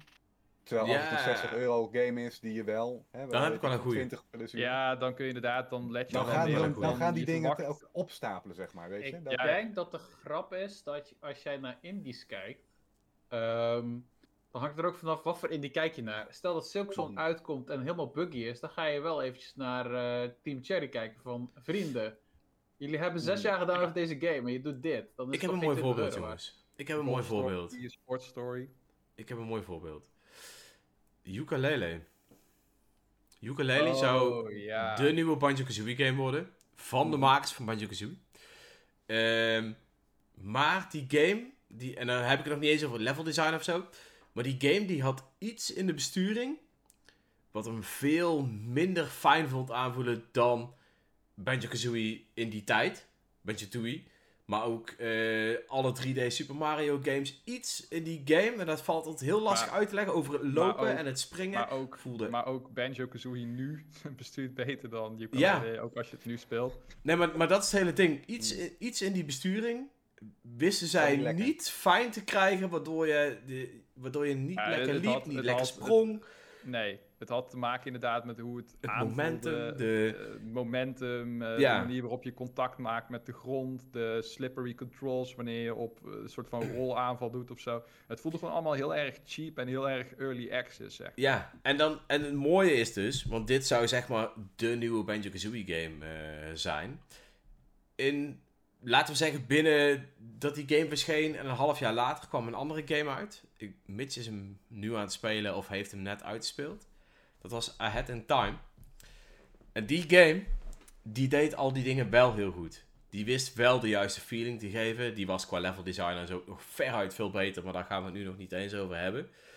Maar iets eh, is daar in de marketing anders gegaan. Of op een of andere manier is die game niet zo populair geworden in die tijd. Waardoor die eigenlijk een beetje onder de radar eh, is gebleven. En na een tijdje werd die wat populairder. En kwam iedereen wel van ja, dat is een hele vette nieuwe platformgame. Maar moet ik wel En- zeggen dat dit dan wel nog een redelijk makkelijke situatie is, omdat je ukulele in feite dus al af kunt vallen op het feit dat de game gewoon niet lekker eh, speelt. Mhm. Dus dan is het ook makkelijk om te zeggen van de game is het geld niet waard. Ehm, misschien zou een beter voorbeeld zijn als hij wel lekker zou spelen, maar hij was maar twee uur lang of zo. Dat zou misschien Mhm. Een interessantere situatie kunnen zijn. Kijk, zelf, of er zit gewoon heel weinig content in. Kijk, zelf denk ik altijd natuurlijk aan mijn favoriete game ooit gemaakt, Nou, Mario. Strikers. Battle League voetbal. Oh. Ja, dat is gewoon zo bizar, bizar weinig content voor het prijskaartje. Dat op het moment dat jij de demo downloadt, heb je gewoon eigenlijk al 80% van de game gespeeld. En Hmm. dat is zo'n bizarre, bizarre situatie dat je gewoon denkt van ja, maar dit, Dit dit, dat, dit kan, dit kan dat is de stand niet van toch geen... AAA developer niet waard. Nee, je, je kan, maar gewoon überhaupt. Je kan zelfs als het een indie game was, zelfs dan zou ik zeggen van, da- daar is gewoon niet genoeg content voor wat je Voor ervoor eh, voor vraagt. Ja. Ja. Maar het is een, Misschien als ze die ook demo nooit hadden uitgebracht, dat de game misschien wel wat nieuwer en frisser had aangevoeld. Van, oh ja, weet je wel, maar dan, zelfs dan nog. Het is gewoon een bizarre, Mm. bizarre situatie. ja. nou, het is ook Nee, maar, de maar huid. wat ik Ja, natuurlijk zeg ook maar. een beetje bedoel te zeggen is... Je hebt natuurlijk bepaalde games die van het, hetzelfde zijn. Hè? Je hebt dus 3D-platformers. eh, Ja. Waar ik het net over had. Je gaat dus wel die dingen met elkaar vergelijken. En Ja, heel De eerlijk... ontwikkelaar, de Ehm, ontwikkelaar, wat jij net zei, de ontwikkelaar brengt ook een zekere verwachting met zich Ja. mee. En van de En ene ontwikkelaar Cyberpunk. Nee, ja, maar, maar dat niet eens. Hè. Maar stel je voor, er komt eigenlijk een nieuwe 3D Mario uit. En die is op een of andere manier niet goed. Omdat die eh, met wat voor reden dan ook teleurstelt. Dan ga je ook zeggen, stel je voor, er komt een Ahead weet in Time zeker. 2 en die is wel heel goed. Ja, dan zou je ook kunnen zeggen van, ja jongens, ik, ik, hou van Nintendo. Maar sorry, je kunt veel beter Ahead in Time is 2 dat gaan al- spelen. Is dat niet eigenlijk ook al een beetje gebeurd toen met nieuws eh, Super Mario Bros. 2 op de DS of 3DS? Ja, ik, ik weet niet of het tegelijkertijd een game was waarvan je kon zeggen, Ja. ga die maar spelen. Dat die weet ik game heeft wel redelijk normale reviews gehad. Mensen van die mensen zeggen van ja, het is niet de beste Mario, maar, het is wel prima genoeg. Ja. Ja, oké, maar ik mij- bedoel, wat- heeft die game gemiddeld gehad of zo? Ik weet niet, ik denk ergens rond de 80 of 8. zo, ja. 82 misschien. Maar eh, we wijken nu wel een klein beetje af Ja. van de discussie, want het ging een beetje over lengte, eh, Neem je er mee in je ja, review? nee, prijs. Of je de prijs meeneemt in je, je review. eh, Ik ben er wat meer van bewust, game. zal ik het nu zeggen. Ik Nee, vind ja, het wel... Dreon vroeg net om een voorbeeld. Eh, ik heb Ja. eventjes gelijk zitten kijken in onze review-archief. En dan zie ik Dordogne. Dat Mhm. is echt een, eh, ja, ik, eh, heel ja, visueel aansprekende de game. Hè. Dat is echt zo'n indie van, wij pakken mij- letterlijk onze jeugd van vroeger ergens in die Dordogne-regio Frankrijk. En we gaan het echt helemaal eh, into Mhm. the vibes en into the feeling maken. En ja, die was vrij kort. En qua besturing was hij af en toe echt super clunky. Maar ja, omdat het toch zo'n korte game was van zo'n indie developer, waar je ook het duidelijk zag, het ging meer om het gevoel van het spel Mhm. heb ik hem toch wel, heb ik, heb ik dat niet eh, tegen ze gerekend bijvoorbeeld. Omdat het gewoon, Nee. ja, in, En in de game kost totaal, 2 euro of zo? 1 euro? Nee, dat die meer. Ja? dacht ik. Weet ik Ja, niet. volgens mij een tientje of zo, meen ik. Maar... Nee, toch? Ik moet Minder dan even- 5 euro volgens mij. Of 5 euro maximaal. Ik heb die game zo vaak voor een euro of 2 euro in de aanbieding gezien. Switch. 14,99 zie ik nu op Steam. Wat? Dus eh Nintendo Switch zal Ehm. ongeveer hetzelfde zijn. Eh, hij staat op 14,99. 20. 20 in de e-shop. Kijk, Nee joh. Holy shit. Dus nou, in ieder geval eh, neem het maar van mij aan jongens. Die game is heel vaak in de aanbieding. Dus betaal er zeker geen 20 euro voor. Ja. Nee, maar nee, dat, eh, eh, ik, ik, heb het, ik heb het zelf ook wel eens gehad. eh, met name met bijvoorbeeld eh Sayonara Wild Hearts. Die ik ook wel eens op stream heb gespeeld. Mhm. Dat is een soort ja, actie eh, en die game heeft ook gewoon de lengte van een muziekalbum. Dus in maximaal mm, ja, een, heel, een heel lang muziekalbum, laat ik het zo zeggen. Als je alles doorspeelt en bij je zou alles... Ja, ja, ja, zeker. Dan, is- dan is het leuk. Als, als het, eh, als het een, ja, een rechtvaardiging zeg maar, heeft waarom zoiets ook Ja, is, dan dat het wel. heel- dan kan je het makkelijker vergeven. En de game is ook best wel pittig, dus eh, je gaat best wel vaak dood. En dat helpt wel om de lengte te tillen naar iets van, weet ik veel, twee of drie uur misschien. Mm. Maar meer dan dat is het ook niet. En die game kostte iets van 20 euro, 25 euro toen die, eh, toen die uitkwam. Eh, en ik vind het toch altijd lastig, want dan denk ik wel bij mezelf van ja, maar aan de ene kant is de ervaring wel echt gewoon bijzonder. De game doet echt iets wat je niet vaak ziet. De artstijl is origineel, al die dingen. Ja. Ehm, aan de andere kant benoem ik het dan wel in mijn review van hey, verwacht niet hier heel lang mee, eh, mee, mee bezig te zijn. Mhm. Ehm, maar, dan, maar dan denk ik wel weer van, ja, juist dit soort originele creatieve games moet je juist een kans geven, ondanks eh, het misschien wat hogere eh, prijskaartje in verhouding tot, tot de speeltijd. Maar aan de andere kant kan ik het ook goed snappen als mensen juist wachten tot een aanbieding om die Ja. game eh, te halen. Dus dat benoem ik dan wel altijd in de review. Mhm. Maar het heeft voor mij relatief weinig invloed op het cijfer. Omdat ik denk van ja, de game is wel gewoon echt goed. En mensen moeten dan in de tekst maar gewoon eh, uit kunnen halen van hé, hey, de game is inderdaad Let wel even op, want... Dus En- bepaal zelf of jij dat Ja, is het dan eh, wat voor mij? vindt meewegen. Ja. Ja. precies. ja. Want ik wil het vooral hebben over de kwaliteit van, een, eh, van een game en hoe het zich Ja. verhoudt tot andere games. Eh, dus ik noem dat soort dingen wel, maar voor mij is het niet per se dat ik denk van bij dat soort games een minpunt. Ik, ja, Paul zegt daar net, die zegt daar nu wel iets leuks in de chat. Hij zegt, eh, games is een artvorm. En ik denk dat dat ook wel een beetje het dingetje is. Soms dan is, vooral de indie games, zijn ook gewoon een bepaalde vorm van kunst. En die Mhm. moet je kunnen waarderen. En als jij die kunt waarderen, Ja. geef je hem een goede review. Vertel je ook van ja, dit is eh, een, een bepaalde vorm van kunst. eh, wat wel een korte speelduur met zich meebrengt. Maar het is het 100, ja, 100% waard, eh mits je Ja, zo'n to, moet the moon, betalen. eh, zo'n to the Moon bijvoorbeeld, die jij noemde als dat jou echt een mooie ervaring heeft gegeven die jou bijblijft. Ja, wat is daar dan de 100%. prijs van? Wat is daar dan de Ja. prijs van? Dat zal voor iedereen verschillen. Voor sommigen is het onbetaalbaar. Ja. En dan heb je er een tientje of 19 euro voor betaald of whatever. Maar dan denk je Mhm. van ja, dat, dat was het wel. eh, ik heb wel echt even iets, eh iets episch. Memorabels. eh, Ja. Ja, Nou, memorabel. twee ja. twee titels die ik echt eigenlijk best wel zie als artvormen. Eentje meer dan de andere is eh, niet op Nintendo. Eentje is Journey. Journey is een game die denk ik ook drie uurtjes duurt, maar is fantastisch. De muziek, de visuele stijl, het Is dat avontuur. die eh, in de woestijn? eh? Ja, als Ja. de woestijn met je kom ik scarf. dus echt Ik niet heb- door. Nee, het is fantastisch. Je, ja, moet, je moet het kunnen waarderen, waarderen, maar ik, ik. Ja. Ja. Ik heb, ik heb die geplatinumd. Ik heb daar uiteindelijk eh, alles gedaan. En toen ben ik, daarna heb ik die, die game waarschijnlijk nog eens drie keer doorgespeeld. Om andere mensen te helpen eh, in mijn avontuur. eh, zeg maar. En de andere is Shadow of the Colossus. Eh, Oh ja, is wel iets meer een game. Ja. Maar die game is qua muziek, qua gameplay. Het is helemaal niet zo ingewikkeld. Want het is eigenlijk een hele simpele eh, game eigenlijk. Het is, Ja, het is super het minimaal. het is heel minimaal, maar wat dat spel doet en hoe je langzamerhand door het verhaal komt en dingen worden verteld, soort van, is gewoon prachtig. En dat is misschien 10 uur. Maar het is wel een van de beste 10 uur die ik heb meegemaakt in mijn, eh ja, mijn gamecarrière, om het zo maar te zeggen. Ja, tien, tien uur als je niet Oonga Boonga of die Colossuses afloopt. eh wat je wel iedere keer een beetje een soort van obscuur moet uitvogelen. Wat je nou Tuurlijk, in het doen. begin, en in het begin was het natuurlijk ook, maar als je het nu weer speelt, dan is het van, oh ja, ik moet daarheen, klaar. Ja, ja, ja, ja, fair enough. Fair enough. Maar goed, het gaat om die eerste Ah, ervaring. ja, agro was Ja. inderdaad wel een eh, agro. Maar lang verhaal kort, eigenlijk is het dus heel persoonlijk. En doen we dat een beetje op gevoel van wanneer reken je het nou wel mee, wanneer niet. In extreme gevallen eigenlijk merkte ik van mezelf, zei ik net, maar ik hoorde ook in ieder geval Mitch en... Ik weet niet of het Reen of Robin was die dat ook eh, zoiets zei, in extreme gevallen wel. Ja.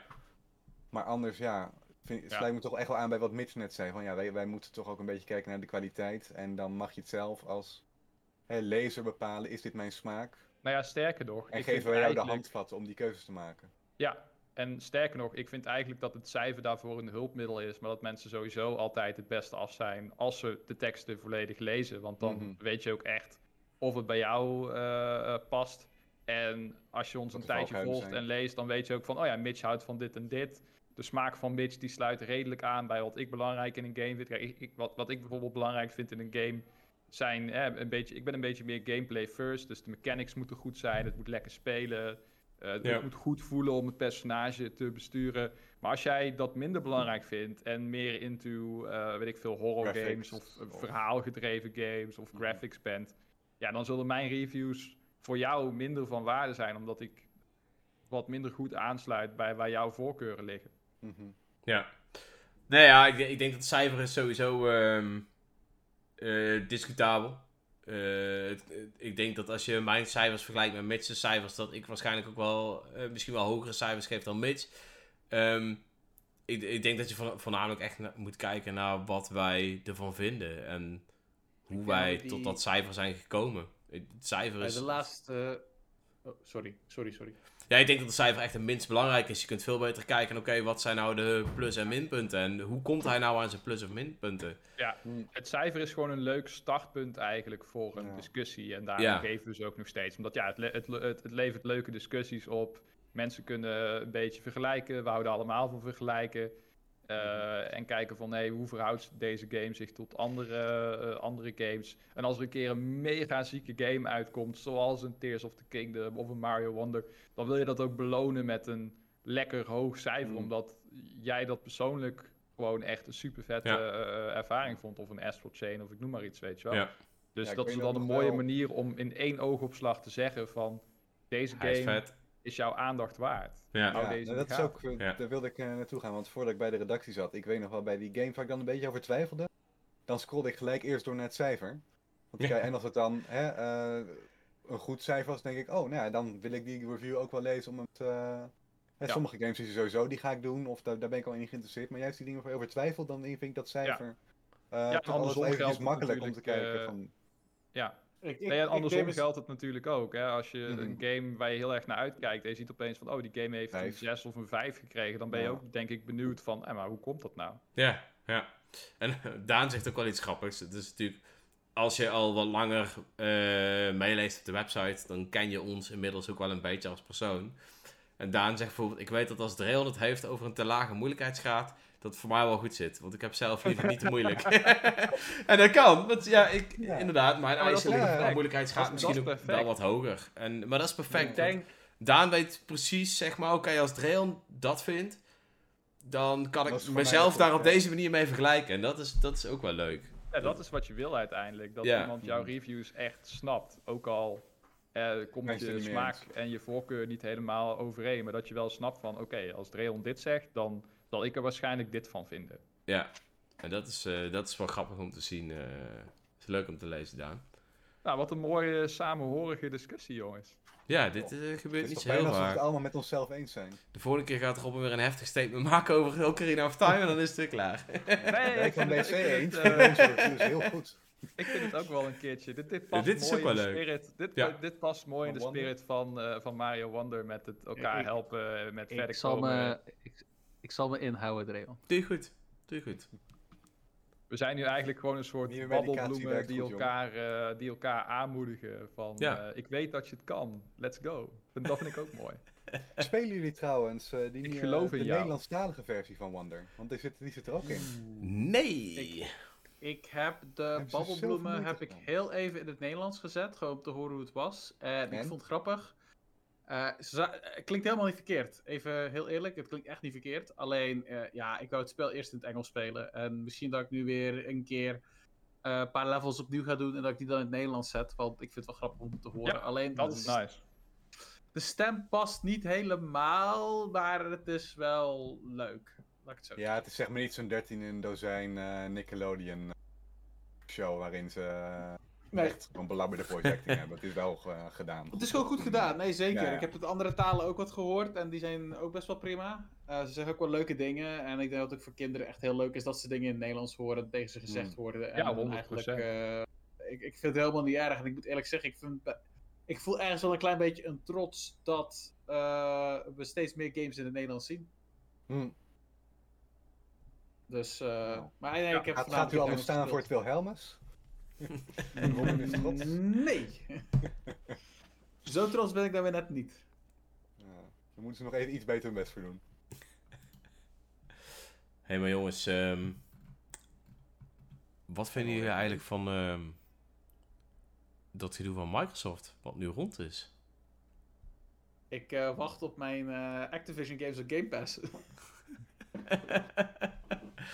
oh, jongens. Ik denk dat we daar toch eens even over moeten hebben. Want dit is natuurlijk een dingetje wat al een tijdje loopt. Ehm, Microsoft is natuurlijk eh, al een tijdje Aan bezig aankopen. eh, met de aan het aankoop van... inslaan. eh, Aan het Activision. hamsteren. Ja, Ze willen heel veel studio's. Hè. Ze hebben een nieuwe strategie. Ze, ze zeggen in ieder geval dat ze niet meer zozeer eh, op hun eigen platform per se eh, hè, willen focussen. Maar dat ze vooral heel veel studio's willen aankopen. En dan bijvoorbeeld via Game Pass of eh, hè, ook op andere platforms zelfs hun nieuw aangekochte IP's eh, zo hun eh, presence willen, eh, ten gelde willen brengen. Hm. Ja. Nou, le- leg het even verder uit. ze- Ik ben nou toch al bezig. Leg het maar uit. Ja, nou, ehm, eh, Microsoft, dat is natuurlijk de eigenaar van eh, het Xbox-merk. En eh, ja, dat is dus een van de grote drie. Je hebt Nintendo, Sony met PlayStation en dan Microsoft met Xbox. En ehm, ja, we zien recent dat bij eh, Microsoft toch wel meer ja, algehele eh, nieuwe filosofie is ontstaan. En ze zijn sindsdien gewoon derde partijen studio's aan het opkopen als, als ze daar de kans toe krijgen. Hè. De Bethesda was ook al van hen nu inmiddels. En ze willen gewoon echt een heel groot aanbod. Eh, ja, een beetje zoals je ook wel ziet in... Hè, ze willen eigenlijk de Netflix van de videogames worden. Daar kun je het mee vergelijken. Mhm. En dat is eh, waar ze dus ook nu externe studio's voor aankopen. Want daar zitten ook natuurlijk eh, eh, populaire series als bijvoorbeeld Call of Duty zitten daarbij. Wat, hebben, wat eh, heeft Blizzard Activision nog meer allemaal? Diablo. aan echt grote titels. Diablo, ja, nou goed. Hè, dat, dat willen ze dus echt in huis halen. mhm. En dan niet eens meer per se om het echt hè, alleen mensen naar hun Xbox-platform te, te lokken. Zeggen ze nu. In ieder geval Mhm. voor de komende tien jaar hebben ze eventjes contracten getekend. Call of Duty komt bijvoorbeeld dus ook echt naar Nintendo, tien jaar lang. Minimaal. En ook naar de PlayStation geloof ik. En Ja. ja, ja ze worden dus eigenlijk één groot... eh, ja, dat is Ja, misschien is het even goed, eh, ook om de context daarbij eh, aan te geven. Er is dus een rechtszaak geweest met betrekking tot deze overname, waarbij eigenlijk de vraag werd gesteld, krijgt Ja, van de- Microsoft te veel macht als zij ook nog eens, eh, in het gamelandschap inderdaad, als zij ook nog eens Activision Blizzard overnemen, want ze hebben Bethesda al, eh, ze hebben hun eigen first party studio, dus ze hebben Mojang van eh, Minecraft. Eh, je, je zou het af en toe niet zeggen, maar Xbox heeft echt heel veel studio's. Mhm. Ze doen alleen niet superveel. Ehm en om het eventjes, ja, nou ja, om het, om het eventjes een klein beetje Mhm. bias, maar Ja. er zijn gewoon jaren geweest dat er gewoon echt heel weinig uitkwam. Ehm, en wat hebben ze dus gedaan? Ze hebben dus Het eigenlijk zijn de de grootste- mededingingswaakhonden hè, de, van de verschillende landen. Die hebben gezegd, eh, die moeten Ja. zorgen dat er geen monopolies ontstaan. Ja. En je hebt in eh, het Verenigd Koninkrijk was de laatste die nog eh, problemen had. Ja. En die is geloof ik ook, die hebben dus Microsoft dan aangeklaagd. En dat heeft de rechter uiteindelijk gezegd, nou het mag nu wel. En soms moet je daar bepaalde dingen afstoten. De argumenten die Microsoft daarvoor heeft gebruikt, komen eigenlijk neer op van we doen het zo slecht, help ons alsjeblieft. Want Ja. ze zeggen dan van ja, we zijn derde. Eh, ze zeggen ook van eh, we hebben de generatie van Sony verloren ten tijde van de eh, Xbox One. Dus een beetje die transitie Ja. van PS3 360 naar Xbox One PS4. En dat dat juist het moment was te danken. dat uiteraard. Maar eh, dat weet zo'n beetje iedereen. Maar Mhm. goed, ehm, het interessante aan dat argument is eigenlijk dat ze hebben gezegd van juist op het moment dat mensen hun digitale ehm, ehm, systeem als het ware gingen inrichten. Dus je gaat op jouw PlayStation account, net als Mhm. wij nu doen met ons Nintendo account. Je koopt allemaal toffe indies, je koopt games digitaal. Eh, jouw vrienden zitten op dat systeem. Je kan messagen, chatten. Ja, dat kunnen wij Nintendo-fans dan weer niet natuurlijk. Maar goed, op PlayStation kan dat wel en op Xbox kan het ook. En juist toen dat eh, opkwam, als het ware, ehm, hebben ze keihard die oorlog met PlayStation verloren. Waardoor in Microsoft's ogen ze een keiharde achterstand hebben. En dat onder andere dus goed willen maken door nu echt die games bij, ja, nou ja, in het begin nog niet bij PlayStation weg te trekken. Maar je kan er donder op zeggen dat dat uiteindelijk wel gaat, eh, gaat gebeuren. Call of Duty ligt wel vast dat ze dat tien jaar lang eh, multiplatform moeten maken. Ehm, en wat interessant is voor ons, en dat is misschien ook leuker om het daar een beetje op te focussen, is dat Microsoft in die strijd tegen Sony eigenlijk Nintendo een beetje heeft meegetrokken. Zo van, ja, maar als wij eh, deze studio kopen, dan krijgen Nintendo-fans ook een goede Call of Duty die eh, goed aansluit eh, en eh, up-to-date is en gewoon goede kwaliteit heeft. En, En dat is voor ons wel leuk. heeft. Want wij hebben natuurlijk ook al games als Ori and the Blind Forest en Cuphead gekregen. Juist doordat die samenwerking tussen Nintendo... Juist doordat Microsoft eigenlijk graag samenwerkt met Nintendo. Mhm. Als je dan kijkt naar interne documenten en e-mails, dan willen ze Nintendo ook heel graag kopen. Dat is ook een heel slecht Ja. bewaard geheim van de, van de game. zeggen ze overigens zelf ook wel bij dat ze niet verwachten dat die kans zich snel zal voordoen. Hè? Maar ik wil als, er als, eventjes op. als dat kan, willen ze het wel. Robin? Ja, daar wil ik even op inspringen. Hoe dat bij mij overkwam was meer van iemand had gezegd van... Hé, hey, wat leuk zou zijn als we Nintendo kunnen kopen. Haha, ja, dat lijkt me ook grappig. En toen is die mail, is alleen dat stukje waarschijnlijk gepakt. Context is eruit getrokken en nu wil Microsoft Nintendo kopen. Nee, nee, nee, nee, nee, dat ben ik Nee, niet nee, eens. nee, Want er staat, letterlijk, er staat letterlijk een zin in van Phil Spencer waarin staat van... Nintendo, weet zelf, Nintendo weet zelf nog niet zo goed dat hun toekomst niet alleen op hun eigen platform ligt. Tuurlijk En zeg dat is een typisch alleen- Amerikaanse zin die heel veel zegt, denk ik, over, de, over het uiteindelijke doel van zo'n samenwerking. En ook dat er mensen bezig waren met aandelen opkopen en dat soort dingen. En Hmm. dat daar, dus Ik- daar is het echt wel, daar is echt wel wat rook. Mhm. Ik, nou ja, goed. Laat het zo zeggen. Ik denk dat het een beetje uit context is getrokken, want mensen houden van sensatie. Dus. eh maar, nee, eh, nee, maar het, was ook iets wat gelekt was. Hè? Het is niet iets wat ze zelf zeiden. Ja, het is ja, het is niet bedoeld. weet ik. Maar nogmaals, ik, ik bedoel, ik stuur ook wel eens mailtjes naar mijn collega's over dingen waar ik over droom. Eh, als dat wordt gelekt, dan Oh, zullen mensen ook zeggen: Ja, Ja, Robin maar wil graag deze game kopen. maar Robin, ja, maar jij, stuurt, moet ja, maar jij eh, stuurt toch geen mailtjes waarin staat dat jouw aandeelhouders of fiscale afdeling bezig is met deze en deze strategie om de positie van... Snap je? Dat is wel best wel... Wat een leuke grap. heftig. Om het zo maar te zeggen. En ik snap dat Eh, ze het ik- proberen, want het is uiteindelijk gewoon een bedrijf. Een bedrijf wil winst Ja. maken en een bedrijf wil een macht. Dus dat is niks, niks nieuws. Mhm. Maar het, het lukt ze niet, omdat Nintendo te succesvol is. Je moet ook even weten voor de luisteraars, die gelekte e-mail die kwam ook uit 2018 of 2019. Echt toen de Switch wel een opkomst was, maar nog niet het mega 100 miljoen plus verkocht exemplaren Mhm. succes was wat het nu is. Waardoor Ja. die droom van Microsoft alleen, alleen nog maar verder weg is eh, eh, Ja. gedreven. Nintendo kwam natuurlijk uit een zware periode en ze dachten Ja. van nou, hey, nu zijn Ja. ze kwetsbaar, nu zouden Ja, ze ja, ja. misschien wel eens een keertje kunnen. Maar in Ja. diezelfde mail stond ook, ja, maar vergeet niet dat ze echt op, op een berg van miljarden Ja. yens, dus want het zijn, is een Japans bedrijf, zitten, van het enorme succes van de Wii en DS. Ja. Dus, ze, ze gaven al aan, het is eigenlijk niet realistisch op dit moment, maar naar de toekomst toe, als die lijn zich had voortgezet hè, van de Wii U, eh, dan hadden ze het heel graag gewild. Want ze, erkennen wel dus de, de kwaliteit van Ja, de zeker. Het, eh, het vult natuurlijk gewoon een enorm gat voor Eh. Microsoft. Het geeft ze een ingang in de Japanse markt die ze nooit, eh, ja, die ze nooit hebben gehad. Dus ik snap dat het ook wel wat Robin zegt, dat het ook natuurlijk wel eh, in zekere zin wishful eh, thinking is.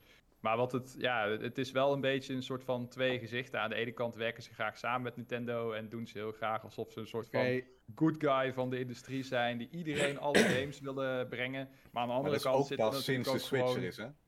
Wat, Ja, waar- sinds wat de- zij vinden dat niet direct concurrentie is. Dus dan snap ik ook wel dat je het makkelijker doet. Nee, ja, dat beargumenteren ze natuurlijk omdat ze dan kunnen zeggen dat... eh, ze doen eigenlijk een beetje alsof het Switch-succes geen concurrentie is, omdat ze dan laten zien dat er eigenlijk Hmm. geen echte concurrent voor PlayStation is. Dus dat PlayStation zo machtig Ja. is dat de Switch niet telt, zodat zij zieliger overkomen, zodat Ja. de rechter eerder zal zeggen van, hè, dat is het hele spelletje heb wel- natuurlijk. Ja. Ik heb daar twee punten even die ik op in wil springen. Eén daarvan over dat succes. Ehm, de grap is hoe Xbox nu praten over de huidige Nintendo met de Nintendo Switch, hoe die nu is, is wel heel interessant. Want als je gaat kijken naar wat de geruchten momenteel zeggen over de opvolger, lijkt het erop dat de kracht van de Switch 2 veel meer in één keer in lijn gaat komen te staan met de huidige generatie van PlayStation en Xbox. En dan komt er wel een Mhm. ander verhaal, want dan gaan ze wel direct concurreren in hun ogen, denk ik. Ja, weet ik Ja, niet. Want tegen de is tijd... Het is nog steeds een hele andere doelgroep. Hè? Ik bedoel, het is een hele andere doelgroep. Ik bedoel, wat Nintendo heeft, heeft geen ander bedrijf. En ik bedoel, als Nintendo zichzelf te koop zou stellen, hoeveel bedrijven hopen wel niet om die IP's te kunnen krijgen? Disney, Google, Ja. Amazon, iedereen staat in de rij om daar dan opeens een Volgens te mij, is het, volgens mij is het heel simpel. Eh, Nintendo is voor Microsoft een concurrent op het moment dat het hen goed uitkomt. En op het moment dat het hen niet goed uitkomt, is het Tuurlijk. geen concurrent. Zo werken al die Hetzelfde bij bedrijven. PlayStation. Ik bedoel, Hetzelfde bij eh, Nintendo. Dus Ja. Eerlijk, ik Ja. denk dat het ook niet lang gaat duren dat PlayStation hun, hun, hun eh, positie in de markt gaat, gaat verliezen. Meer op de keuzes die ze hebben gemaakt op deze, mo- eh, in deze generatie. Eh, dat is een heel ander gesprek om te hebben. daar wil Ehm, ik het best wel een keer met je over hebben, want ik zie dat zelf namelijk eh, totaal niet. nou, dat is prima. Daar wil, ik, eh, daar wil ik het heel graag over hebben. Maar ja, goed, ik wil het ook hierover hebben. Maar ja, het is, het is natuurlijk niet Nintendo gefocust. Eh, maar Nee, ik denk nee, wel maar, dat eh, Nintendo in de volgende generatie wel eens de marktleider kan gaan worden van, eh, eh, van de drie. Eh, Ze zijn in feite als- al de marktleider. Alleen Eigenlijk ze zitten, ze wel. zitten een beetje tussen generaties in, waardoor het is van, Ja. moet je het met de PlayStation 4 vergelijken? dan winnen ze dik. Moet je het met de PlayStation 5 vergelijken, dan zie je dat de PlayStation 5 momenteel meer verkoopt dan de Switch in de meeste, eh, in Europa met name en volgens Ja, op mij dit ook in moment. Amerika. Alleen dan moet je wel de eerste drie jaar gel- vergelijken Precies. met de Ja, PlayStation. inderdaad. Dat wordt allemaal heel lastig, omdat Ja. Nintendo eigenlijk tussen generaties in zweeft, als het ware. Dus Ja. wat natuurlijk ook weer goed is voor Nintendo, want dan doen ze gewoon echt hun, eh, hun, eigen eigen, ding. ding. Dus dat, eh, wat dat betreft is er ook wel iets, valt er ook wel iets voor te zeggen voor, eh, voor het argument van Microsoft dat de Switch een ander soort concurrentie is, die zich over het Mhm. algemeen op een andere doelgroep. Maar tegelijkertijd is dit ook weer hetzelfde bedrijf eh, wat zegt van wij concurreren met iedereen, we concurreren met Google, we concurreren met Apple, we concurreren met de tijd die mensen spenderen. Dat is iets wat eigenlijk alle bedrijven zeggen, wat Nintendo zelf ook zegt van wij concurreren rechtstreeks met mensen die eh, Instagram eh, gebruiken op een smartphone, omdat het gaat Ja. gewoon om de tijd Mhm. van de consument. En als die tijd besteed wordt bij partij A, dan wordt er ook geld uitgegeven bij partij A. En dat is altijd het doel natuurlijk. Nou, je hebt natuurlijk maar x aantal uren, vrije, uren, vrij te besteden Ja. uren, laat ik het zo zeggen, op een dag. En of dat nou naar eh, een boek gaat of naar een, Ja. Dus jij zit in de natuurwandeling of naar een eh, Switch. Ja, dat, Want jij zit een beetje ook in de juridische wereld, eh, Rick. Dus jij Mhm. weet natuurlijk, denk ik ook als geen ander, dat het ook grotendeels allemaal woordspelletjes zijn die nou ja, gedraaid ik, worden. ik wilde niet alles wat wij uitkomt. hier zeiden onderuit kegelen, maar waar die waakhonden zaten te zeiken, was eigenlijk gewoon puur in de cloudsmarkt. Hè, dat is het enige waar zij Ja. op eh, zaten te zitten. Ja. Dat, alles wat Microsoft inderdaad naar buiten heeft gebracht, nu van, oh, maar wij zijn zielig, of wij zijn nu vriendjes met Nintendo, dat was gewoon puur PR. Dat had totaal niks met de juridische werkelijkheid van, mogen wij kopen, ja of nee, te maken. Dat Nee, was puur op, ehm, ja, worden ze niet te grote speler in de, de cloud streaming markt, ja of nee? Ja, de cloud streaming Ja. markt speelt inderdaad wel een hele grote rol. Wat eigenlijk best een rare prioriteit is voor iets wat nog redelijk unproven is. Maar goed, Ja, ik denk dat het niet heel... Oké, eh, persoon die in de cloudmarkt onder andere werkt. Mhm. Mhm. Eh, het is wel een upcoming market. En eh, natuurlijk toen, ehm, toen eh, dit bekend werd gemaakt, veranderde dat ook best wel even wat in eh, mijn werk op bepaalde punten. Want ik kijk ernaar op twee vlakken. Als consument zijnde zeg ik van, hey, geef meer op Game Pass. Eh, want dat is gewoon cool. Mhm. Als persoon die erin werkt, heb ik wel zoiets van: ja, dit is wel een klein beetje jammer. Want in één keer eh, is er gewoon een groot stuk van, eh, van de game zit onder de één grote noemer. Het punt daarin wel is, en mensen zeggen ja, het is slecht voor de industrie, ben ik het niet helemaal mee eens. Misschien op de korte termijn ja, maar op de lange termijn worden ook weer gaten gevuld door nieuwe bedrijven, omdat mensen weer moeten stoppen. Of dat ze denken van ik wil helemaal niet voor Xbox werken, dus ik ga weg. Maak mijn Ja, eigen eens. bedrijf en ze gaan een nieuwe game starten. Je ziet, Dus het is ook een hele natuurlijke cycle Ja, maar- die plaatsvindt. Je, zag, je Dat- ziet het ook gebeuren, je zag het ook gebeuren eh, als het gaat met Netflix, hè. Eerst was Netflix eigenlijk zowat de enige. En nu heb je Mhm. weet ik niet hoeveel streamingdiensten die ook nog eens best wel concurreren tegen Netflix. Dus, Ja. ja, en die het voornamelijk allemaal afleggen ook. Nou... En nu steeds meer in geldproblemen komen. Ja, maar, het, probleem met dit, het, zelf, probleem, het probleem met dit idee, eh, wat Robin zegt, en daar ben ik natuurlijk wel deels gewoon mee eens. Hè. Je hebt natuurlijk altijd afsplitsingen en mensen die zich niet gelukkig voelen als ze eh, overgenomen worden. Kijk bijvoorbeeld naar Rareware, daar zijn zoveel mensen weggegaan. Eh, nou ja, dat, Mhm. dat is gewoon normaal. Alleen het punt is, waar natuurlijk die autoriteiten ook op zitten, is op een gegeven moment, als jouw bedrijf zo groot is, dat jij, je moet even bedenken, hè, ze hebben 70 miljard euro betaald voor Activision Blizzard. Mhm. 70 miljard Dat is euro, dat is echt een insane bedrag. Dat is echt een insane bedrag. Eh, dat, dat, is, ja, dat, dat is zo groot, dat kan je je bijna niet voorstellen. Ja. En als ze dat blijven doen, dan zijn er op een gegeven moment, ja, dan kunnen wel mensen weggaan bij een studio. Maar als Microsoft dan over 10 jaar eh, Call of Duty exclusief kan maken en al die andere games ook exclusief kan maken en marktleider is, ja, dan kunnen die bedrijven zich wel afsplitsen. Maar dan worden ze uiteindelijk ook die afgesplitste bedrijven weer gekocht door Microsoft, omdat ze anders niet kunnen meekomen of Ja. niet kunnen concurreren. Dus Mhm. snap je, het is, je moet inderdaad altijd waken dat één bedrijf niet te groot wordt, want anders dan ja, krijg je een monopolie en dan... Ja, maar ik denk eerlijk gezegd, kijkende naar Activision, hoe die was op het moment dat hij verkocht werd, was het ook niet het Hmm. sterkste Activision dat je kan hebben. Ja, Call of Duty doet het goed. Alleen Activision zelf, als je kijkt zelfs naar World of Warcraft, naar Overwatch, naar Diablo, eh, die franchises deden eigenlijk vrij weinig, moet ik eerlijk zeggen. En ik heb wel het idee dat, eh, dat Xbox, dankzij de fouten die ze hebben gemaakt bij Bethesda, want daar hebben ze ook fouten gemaakt. eh Mhm. Redfall is een goed voorbeeld. Maar Hi-Fi Rush is ook een goed voorbeeld waar het wel goed is gegaan. Dat is Tango ik denk Dat eh, is echt vet Gameworks. uit, ja. Ja, dat, is- Dat dat is valt wel op de ZeniMax. Gameworks van ZeniMax, ja. Maar is, Ah, ze hebben, hebben ze heel ZeniMax gekocht dan? Of Ze wat? hebben heel ZeniMax gekocht. Ah, ik dacht alleen Bethesda. het is niet alleen Bethesda. Dus, eh, Ah. En daarom dat juist die game... Ja, het is juist een goed voorbeeld hoe het wel kan en hoe het niet kan. En ik denk dat ze daar zoveel hebben van geleerd om dan zeg maar een level up. Want Activision is zoveel groter dan, dan ZeniMax. Mhm. eh, dat ze daar toch best wel veel van hebben kunnen leren, denk ik. Eh, want ik denk, en toevallig komt er een special aan van mij, die hier ook over praat. Eh Embracer bijvoorbeeld laat heel goed zien waar het heel erg fout gaat bij heel veel aankopen. Embracer is eigenlijk gewoon te groot geworden en kan eigenlijk niet iedereen meer embracen. Dus eh, Ja. Ja. Ja, maar dat, dat, zie, maar dat zie je toch ook deels al bij Microsoft. Ze hebben een hele hands-off approach gehad met Bethesda. Hmm. Eh, ik denk ook deels omdat het gewoon heel veel moeite kost om zo'n studio echt goed te integreren, te leren kennen. Als je al zoveel studio's heeft. Want Microsoft Ja. doet altijd alsof ze heel weinig studio's hebben, in, in die rechtszaak dan. Maar ze hebben er stiekem best wel veel. Ze hadden er, ze hadden er al iets van 13 of zo, of, of 15, iets in die ja, trant. ik denk, Met Bethesda dat- erbij 20, 21. En nu hebben ze 30 plus. Maar het is ook heel lastig om dat allemaal Hoe wil je dat allemaal- top, hoe wil je eh, dat te allemaal-? Precies, hoe wil je dat, allemaal echt- gaan, gaan managen? Dat is gewoon. ik denk dat je deels een punt hebt. Maar ik denk wel dat het echt de bedoeling was om het heel hands-off te doen. Omdat ze het idee Hmm. hadden van... Hey, Bethesda of ZeniMax Doet was al bezig goed. met deze Ja. projecten. Eh, laten we niet te veel bemoeien. Kijken hoe het dan gaat. En dat Hmm. kan goed aflopen, dat kan slecht aflopen. Eh, dus ik ben heel benieuwd hoe ze dat nu met Activision gaan doen. Want het feit is ook al dat ze bijvoorbeeld al hebben gezegd van... Bij Bethesda games werd het heel snel van... Deze komen allemaal op Game Pass. De eerste week geloof ik nadat Bethesda goedgekeurd was. Activision Mhm. hebben ze nu al gezegd, dat gaat dit jaar niet meer gebeuren.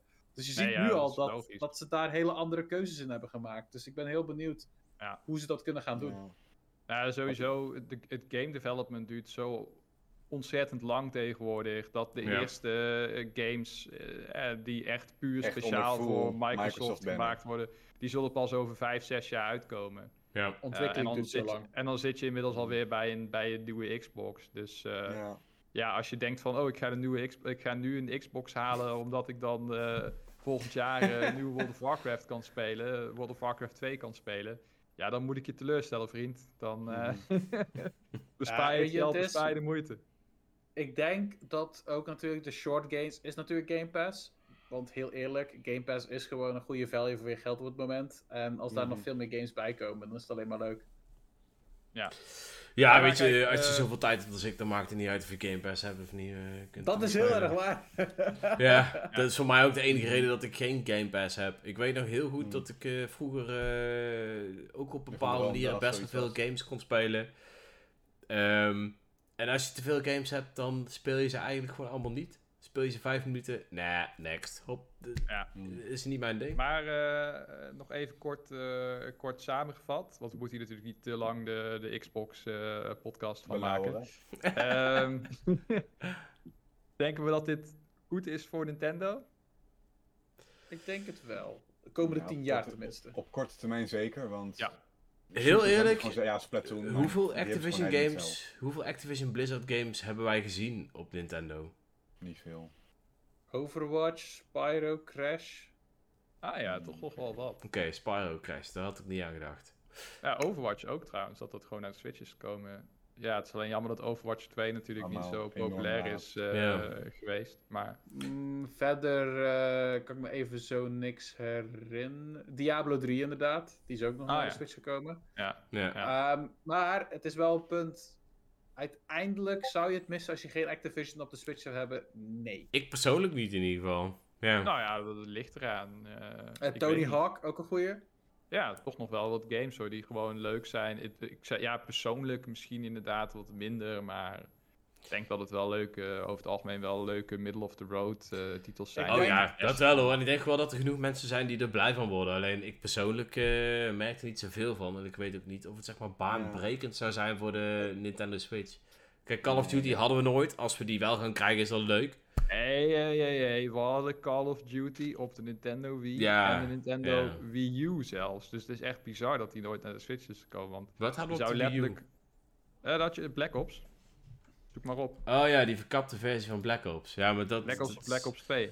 Ja, maar die, was best, die was best populair onder een klein hardcore groepje. Die, die game Ja. werd gewoon nog steeds... eh, ik weet dat eh, Cookie Monster uit ons Discord daar heel erg fan van is. En dat hij ook zei, volgens mij nog geen jaar of twee geleden, van die game wordt gewoon nog steeds gespeeld. op, de, op de Wii Man, zitten man, gewoon man. mensen Black Ops te spelen. En dat vind ik ook wel weer heel vet Dat is wel hardcore. Dedication, man. Ja. Kijk, en Al- het alle ding wat ik vijf al- Wii U-eigenaren. Ja, precies. Maar kijk, het ding wat ik dan had is inderdaad van je kan gewoon letterlijk zo'n Call of Duty, Black Ops, Wii U versie, whatever, met, met PS360 graphics. Ja, dat kan zo'n Switch prima draaien op 60 fps. Ook online. Dat zou gewoon moeten werken. Ja, ik ben, ik, ben, ik ben heel benieuwd eigenlijk meer wat er op de volgende console van Nintendo gaat gebeuren met Xbox en alle andere eh, games die ze hebben. Gaat Nintendo ooit een keer zeggen, we doen Game Pass erop, ja of nee, of, of een verkapte versie van Game Pass waar ze zeggen van, hey, die games wel, die games niet. Ehm, Nooit. Je zegt nooit, maar je weet niet wat er over tien jaar gaat gebeuren. Ah, klopt. Jij ook niet. Wat? Hebben dat weet ik ook niet. Dus da- daarom is nooit, nooit het goede woord. jongens Fair één ding, enough. Één ding is zeker. We gaan een next-gen Minecraft krijgen voor, de nieuwe, voor een nieuwe Nintendo apparaat. 100%. Dat sowieso. Ja, die game heeft ziek kosten. Dat gaat gebeuren. Dat gaat gebeuren. Die heeft Ehm, pas drie- 300 miljoen exemplaren verkocht. Mhm. Ja, dat is bizar. Dat is wel In bizar. ieder geval ook nog genoeg om in toekomstige podcasts over te discussiëren. Dus wat Ja. dat betreft komt het ons eigenlijk ook wel lekker uit. hey Dat is een jongens, mooie afsluiter. ja, Ja. 100%. Ik wil nog wel even graag weten wat iedereen op het moment speelt. Ik begin eh, bij jou, Rick. Wat speel jij momenteel? Ja. Het is geen Mario Wonder, dat is zeker. Nee, dat klopt. Ik, eh, Ongelooflijk. ja, het, is een beetje. eh, het wisselt. Het zijn er twee. Enerzijds ben ik met eh The Great Ace Attorney nog altijd bezig. Zit ik Oké, dat is wel een goeie. Dat is wel een goeie. de laatste case van, zeg maar, de, de, The Great Ace Attorney is een combi van twee losse games die in Japan los zijn uitgekomen. In het Westen hebben we eh, gewoon deel 1 en 2 als één eh, pakket gekregen. Mhm. Ik zit nu tegen het einde van de eerste aan. Oké. En ik had, ehm zeg maar, eh, Splatoon 3 weer eens een keertje opgestart. Ik, heb, eh, ik ben ook niet van de, de multiplayer games, dus ik had ook geen actief NSO. Maar er, er kwam een, ehm, hè, voor, voor Splatoween, hè, dus het Halloween-event in Splatoon eh, 3 met een mooi Splatfest en alles, kwamen een aantal exclusieve gear gratis verkrijgbaar vanuit het nieuwskanaal van je Nintendo Switch. Eh, die, die vond ik wel heel vet uitzien. Dus die wilde ik hebben. En toen logde ik eh, dus in. En toen bleek je dus daarvoor in de lobby te moeten. En die lobby kan je niet in zonder NSO. Dus ik heb toch even een maandje afgesloten. En dan denk ik, ja, ik ga deze maand ook wel even gebruik maken. Ja.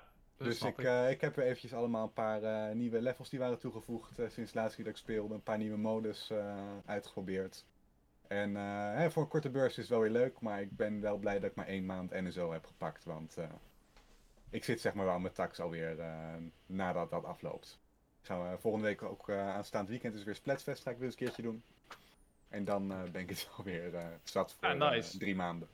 Ja, dat is ook Ja, er zijn ook eh, altijd veel mensen in ons Discord die weer uitkijken naar de nieuwe Splatfest. Dus eh mooi moment om eh, weer even met de community te gaan splatten. Misschien start ik hem ook nog wel even op. Ja, ik nice. ga misschien zelfs ook even kijken, inderdaad.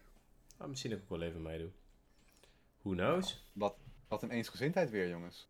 Zo zijn wij vandaag. Vandaag zijn we Ja. 100% eensgezind. We zijn wonderbaarlijk goedgezind. Nou, en wat ben jij aan het eh, spelen, Robin? Ja. Dat is natuurlijk ook een mooi bruggetje. Eh, nou, eh, niet wonder meer, want die heb ik... eh, nee, mijn vriendin is er nu mee bezig. Ik hoor eh, net ook een paar keer gevloek van beneden komen.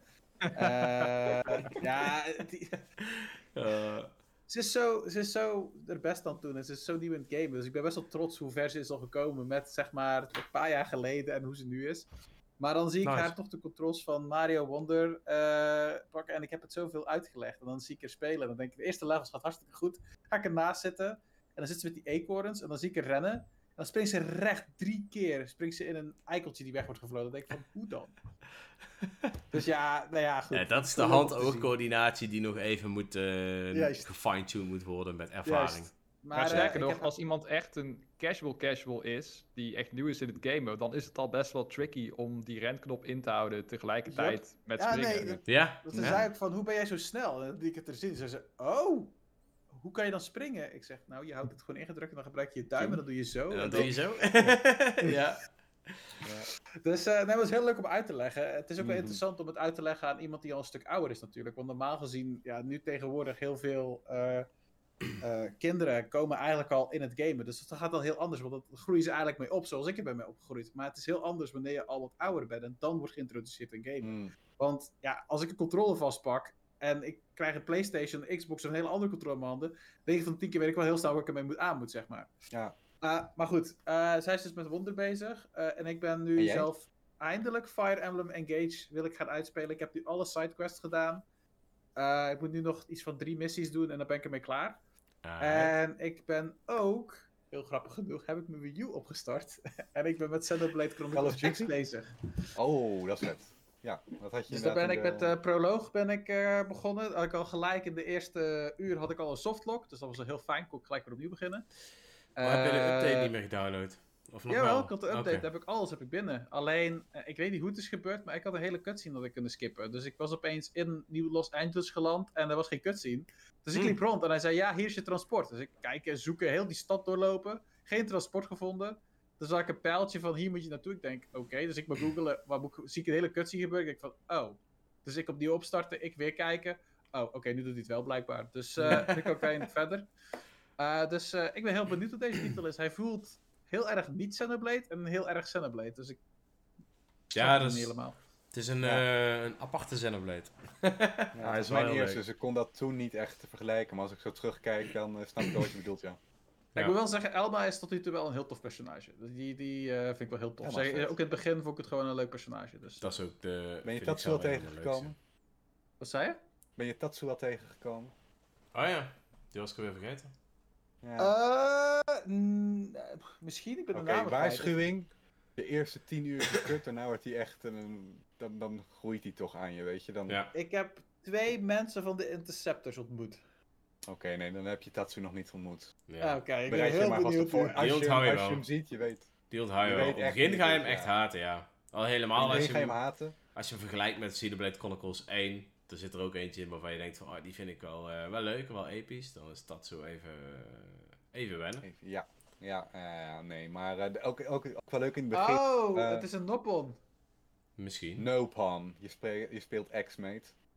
Je spreekt het goed uit. Zit, er zitten Noppons in X? Ja. Eh, misschien. Het is geen Nee, echte Xenoblade zonder nopons natuurlijk. Uiteraard. Maar Oké, Nou, nou, ik ben benieuwd. zien. I'm intrigued. Ja, Maar goed, ja, ik heb van elk story aangezet. chapter zit er wel een leuke gimmick in met Tatsu. En in het begin, als je hem haat, dan word je echt helemaal blij ervan. Maar daar dat Ik zie je ben vanzelf benieuwd. wel, komen we nog op een keer op terug. Maar eh, ja, ik heb mijn Wii U dus aangezet en ik moet wel zeggen, holy shit, dat ding is traag. Mijn god. Ja, het enige wat ik nog weet van Xenoblade X, als iemand die de game nooit gespeeld heeft, is dat eh, de final boss muziek heel vet is. En dat die ook gebruikt wordt in de eerste echte trailer van het spel. En die trailer heb ik best wel vaak gekeken, ik dacht van, oh, het ziet er toch wel vet uit. Ik heb daar nooit meer iets mee gedaan. Ja, de muziek van die game is sowieso Holy shit. heel anders Heel dan andere. Xenoblade games, maar wel heel vet. Hij is echt vet. Ja, Ja, het- toen het- ik nieuw het- Los het- Ja, Angeles... alleen dat nieuw LA. eh, Ik vind ze allemaal Nee, nieuw LA is vet. Echt, ik had echt, het was lekker aan het viben daar. Het was echt Ja. chille muziek. Ja, het is een vette game. ja, is Voor de, voor de, voor de anime-liefhebbers onder ons, eh, de soundtrack is gedaan door onder andere eh, Hiroyuki Sawano, eh, bekend van Attack on Titan. Dus dan weet je dat het Ah. goed zit. Hmm. Dat hoor ik, ja, dat hoor ik er wel in terug in de, nadat je de proloog hebt gedaan. En ze gaan zeg maar door de introductie van de game dan, nu je dit zegt. Je hoort het toch ik wel, aan, de, aan de eerste wereld. eh, wanneer je daar buiten rondloopt. Je hoort dat wel. Ik zal nog even een keer goed luisteren. Maar dat is dus de Primordia game. staat volgens mij in mijn hoofd. De eerste wereld. Primordia heet het volgens mij. Ja. Daar hoor je het Ja. wel aan. Vond ik Ja, zelf. epische, epische orkesten, veel vocalen en veel elektronische elementen die samenkomen. Dat Ja. is een beetje zijn Ja. trademark. Ben dat is heel nice. Wat en speel jij, eh, Mitch? ja, wat speel jij? Ah, ik speel eh, de trademark van eh, Sonic Team. Een Sonic game die eh, gewoon niet Oh, nee. lekker, ja, gewoon niet afvoelt. Niet eh, voldoet aan de verwachtingen. En eigenlijk stiekem wel weer tegenvalt. Maar stiekem heb ik er dan toch wel weer lol mee. En dan vloek ik een keer. En dan, ja, ik weet niet man, Sonic Superstars. Het is een game die absoluut geen 60 euro waard is. Laat ik dat eh, voorop eh, stellen. De, de- het voelt een beetje als de nieuwe Super Mario Bros. van de, van de Sonic games. Eh, dus je hebt een beetje een wat cheaper artstyle. En het is allemaal, ja, het, Ze hebben de, de physics en controls hebben ze overgenomen rechtstreeks uit Sonic Mania. Dus dat kon niet fout gaan. Is ook niet fout gegaan. Oh, oké. Nee, ik nee, voelde een maar aankomen. Nee, nee, nee. Het, het, het, eh, het bestuurt echt lekker. En eh, wat ook heel tof is, je hebt van die eh, Emerald Powers. Dus normaal Mhm. gesproken in Sonic verzamel je altijd Case Emeralds. Dan heb je de 7, dan kan je Super Sonic worden, echte eindbaas, bla bla bla. Hebben ze nu veranderd. Nu is iedere Emerald die je verzamelt, geeft je ook een nieuwe skill. En dat is heel tof. beetje Want... denken aan die wonderzaadjes. Nee, nee, nee, nee. Nee, het lijkt er helemaal niet Als iemand die die skills... allebei niet heeft gespeeld. Maar... Nee, want die skills kun je ten alle tijde inzetten in ieder level. Dus Oh, eh, je krijgt bijvoorbeeld een derde sprong. eh, je krijgt een eh, soort van watervorm van Sonic, waarmee je eindelijk die stomme waterlevels gewoon lekker doorheen kan zwemmen, in plaats van dat je dat trage springen hebt en zo. Dus dat is allemaal Mhm. tof gedaan. Dat is echt, echt leuk. En ook, je kan dan, ja, je kunt het inzetten wanneer je wil, maar je kunt het ook negeren. Dus je hoeft er niks Meer mee... vergelijkbaar eh, met de badges uit Wonder dan. ja, eigenlijk wel. Ja, daar, kan je, daar kan je het meer, meer mee vergelijken. Dus dat is tof.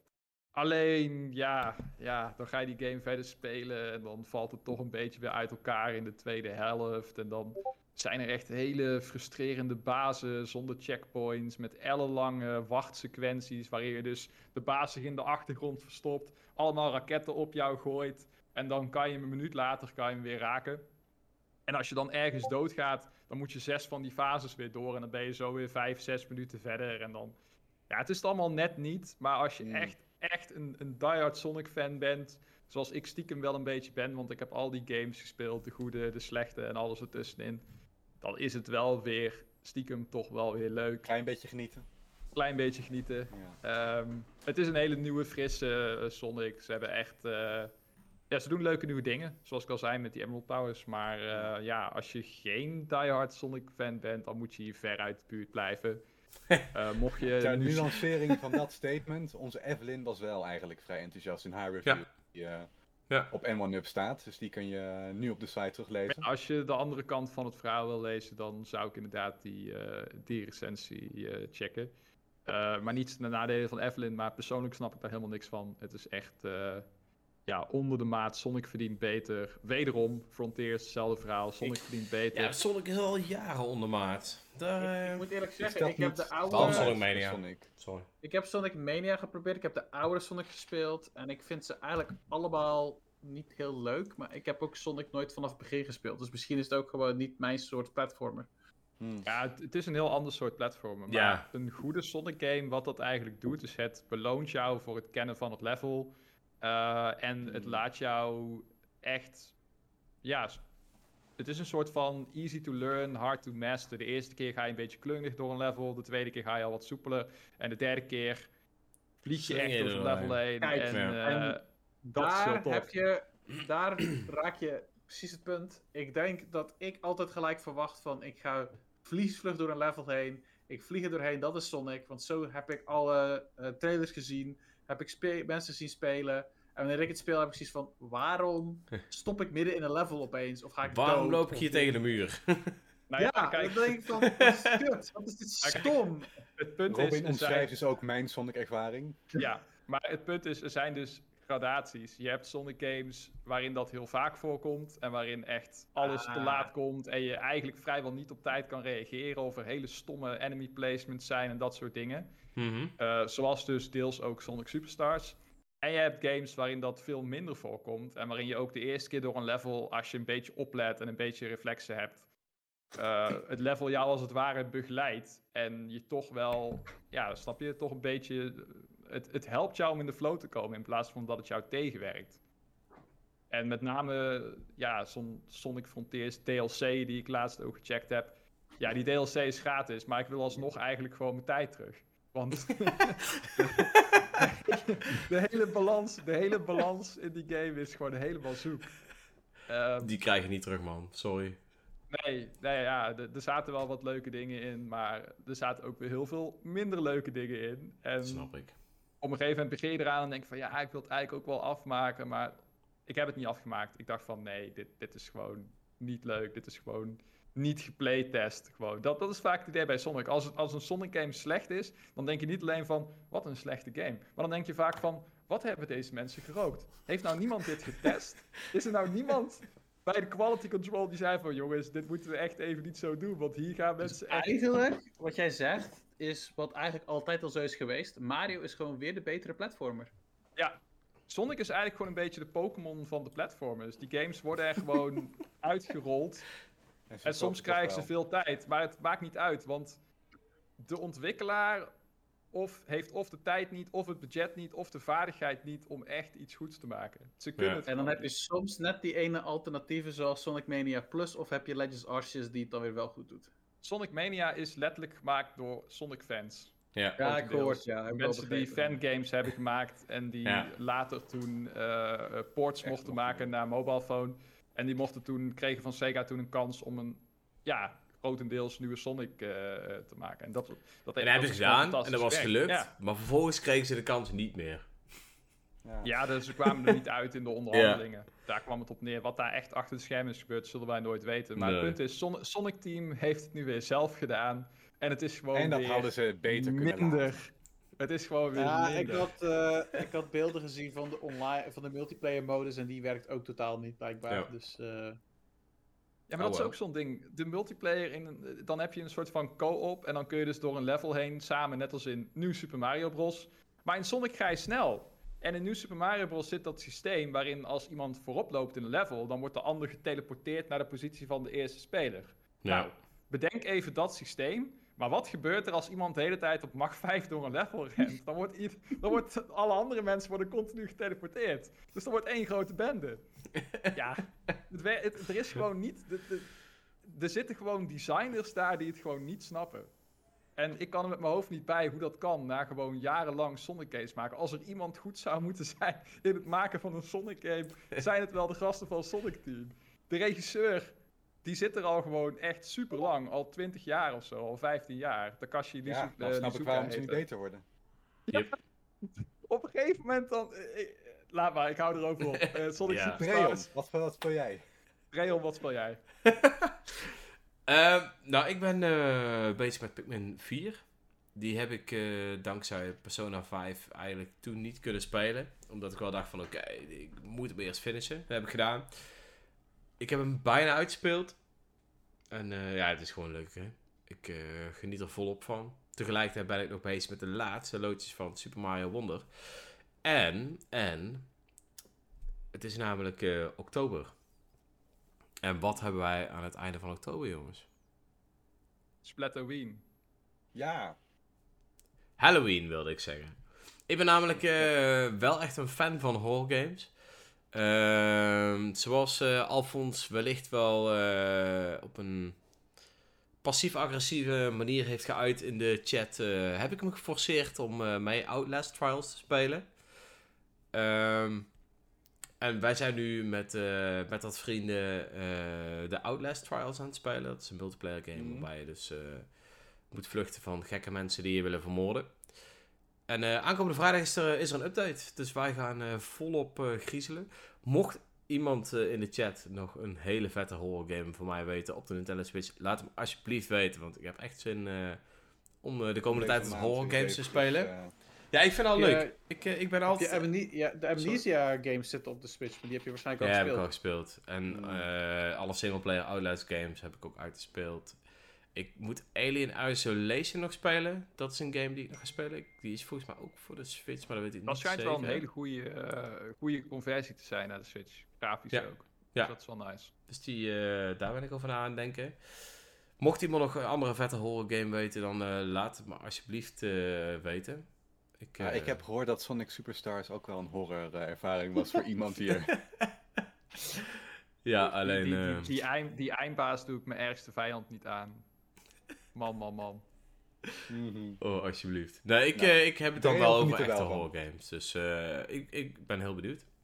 Dat is een beetje mijn eh, ding voor de komende tijd nog. Misschien dat ik mee kom kijken via Discord wanneer jullie Outlast spelen. Oh, nice. Dat zou episch zijn. Oh ja, dat kan ook natuurlijk. Nice. Fatal Frame, ja, die heb ik ook gereviewd, Apichan.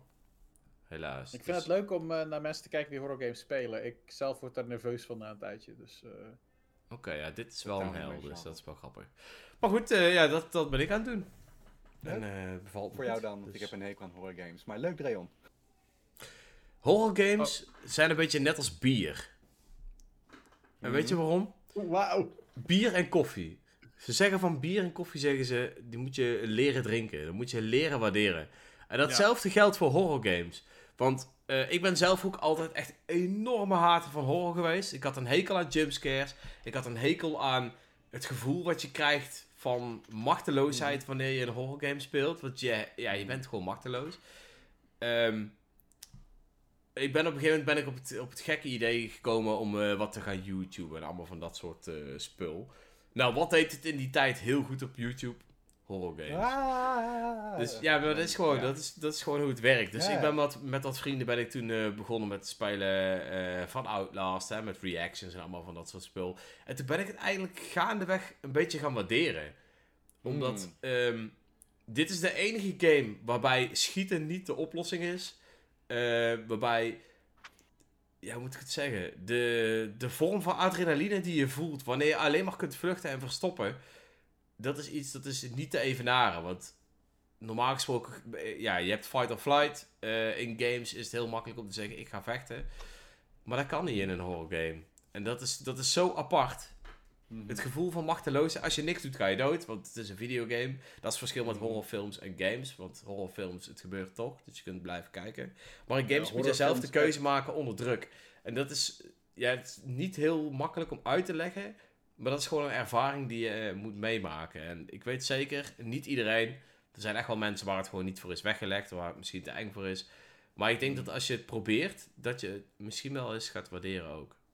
En je kunt altijd beginnen met iemand die meekijkt in de achtergrond of meekijken met andere mensen. Hey, het is een Ik, eh, aanrader. Eh, ik, ik moet vind dat- zeggen... Oh, jij is Robin. Ja, je zei horrorfilms. En waar ik me altijd. Ik vind horrorfilms echt fantastisch. Maar waar ik me echt aan frustreer in horrorfilms is. dat er overduidelijk iets in de kamer gebeurt. Dat ze dan allemaal denken. laten we er naartoe gaan. Dat ik denk van. dit is echt een van de domste dingen die je kan doen. Why do you do this? Dat was even mijn frustratiepuntje uit horrorfilms. ja, maar dat is horrorfilms. In horror games Ja, werkt het namelijk niet zo. Ik weet het, maar dat In was even horror de trigger. games, Robin, kun jij zelf die domme persoon zijn die erop afloopt. Juist. Ja. Maar je kunt het ook niet doen. Maar je kunt het ook niet doen. Kijk, je hebt natuurlijk horror games die redelijk scripted zijn. Hè? Oh, ik pak daar dat ding. Net Resident Evil, ik pak daar iets. Er eh, valt een deur dicht, er komt een monster. Maar je hebt ook horror games die echt spelen met dat gevoel. En dat is vet. Een goede horrorfilm is ook een film die speelt met dat gevoel. Dat je denkt van, oh, nou gaat het gebeuren. En er gebeurt gewoon niks. Het is niet van, oh, dan komt die twee seconden later komt die jumpscare. Nee, er gebeurt niks. Of er zijn gewoon dingen die jou... eh, Ja. Gewoon het, de stuip op een lijf jagen zonder die jumpscare. Ik denk dat dat, dat hetgeen is wat, wat een horror echt goed maakt. Ik, ehm, ja. Ik had pas eh, Dying Lights had ik een scène gezien. Die mensen zeggen een van de engste scènes in videogames. Dying Light. Oké. Ja. Dat is ook een vette game. Ja, die heb ik ook al uitgespeeld, sorry. Maar ik, ik, Ja. moet zelf, eh, ik ben zelf niet de grootste liefhebber van horror games, maar ik kon de sectie in eh, Ahead in Time, eh, die meer richting horror neigt, kon ik wel heel erg waarderen. En dat was minder hoe het er, eh, het personage zeg maar, want dat was wel freaky en zo, maar meer gewoon de muziek en al het licht wat wegtrekt uit de kamer en dat je dan onder zo'n tafel gaat, gaat schuilen terwijl je die voetstappen zo hoort en zo. Ja. Dat vond ik wel heel, heel vet. En toen dacht ik van, oh, ik vind het eigenlijk best wel eng. Ik moet sowieso geen echte horror game proberen. Want dit is gewoon een cartoony spel met een meisje met een hoge hoed. maar de manier waarop ze dat hebben gepresenteerd, met echt gewoon van die vage vervormingen van je scherm Ja. en zo, echt heel vet gedaan. Ja. Ja, weet je, ik, ik, ik ben altijd met horror games. Probeer het. Want zelf ben ik denk ik wel iemand die het kan bewijzen. Ik had echt een hekel aan horror games. Ik was ook altijd zieke hater. Maar ik ben het echt gaan waarderen. Dus eh, ik zou zeggen, probeer het uit. Misschien is het wat voor je. Ehm, oh, Paul vraagt of ik The Quarry gespeeld heb. Nee, die heb ik niet gespeeld. Staat nog wel in mijn lijst. Dus dat is wel een goede om eh, eens mee te beginnen. Dreon ook weer blij. Ja, heel meer blij. Hey jongens, ik eh, wil je in ieder geval eh, bedanken voor het aanwezig zijn weer eh, bij de podcast. Ik wil alle luisteraars en alle kijkers bedanken voor het meekijken en luisteren. En wij zijn over twee weken weer bij jullie terug. Tot de volgende keer. Ja. Later! Later! Later.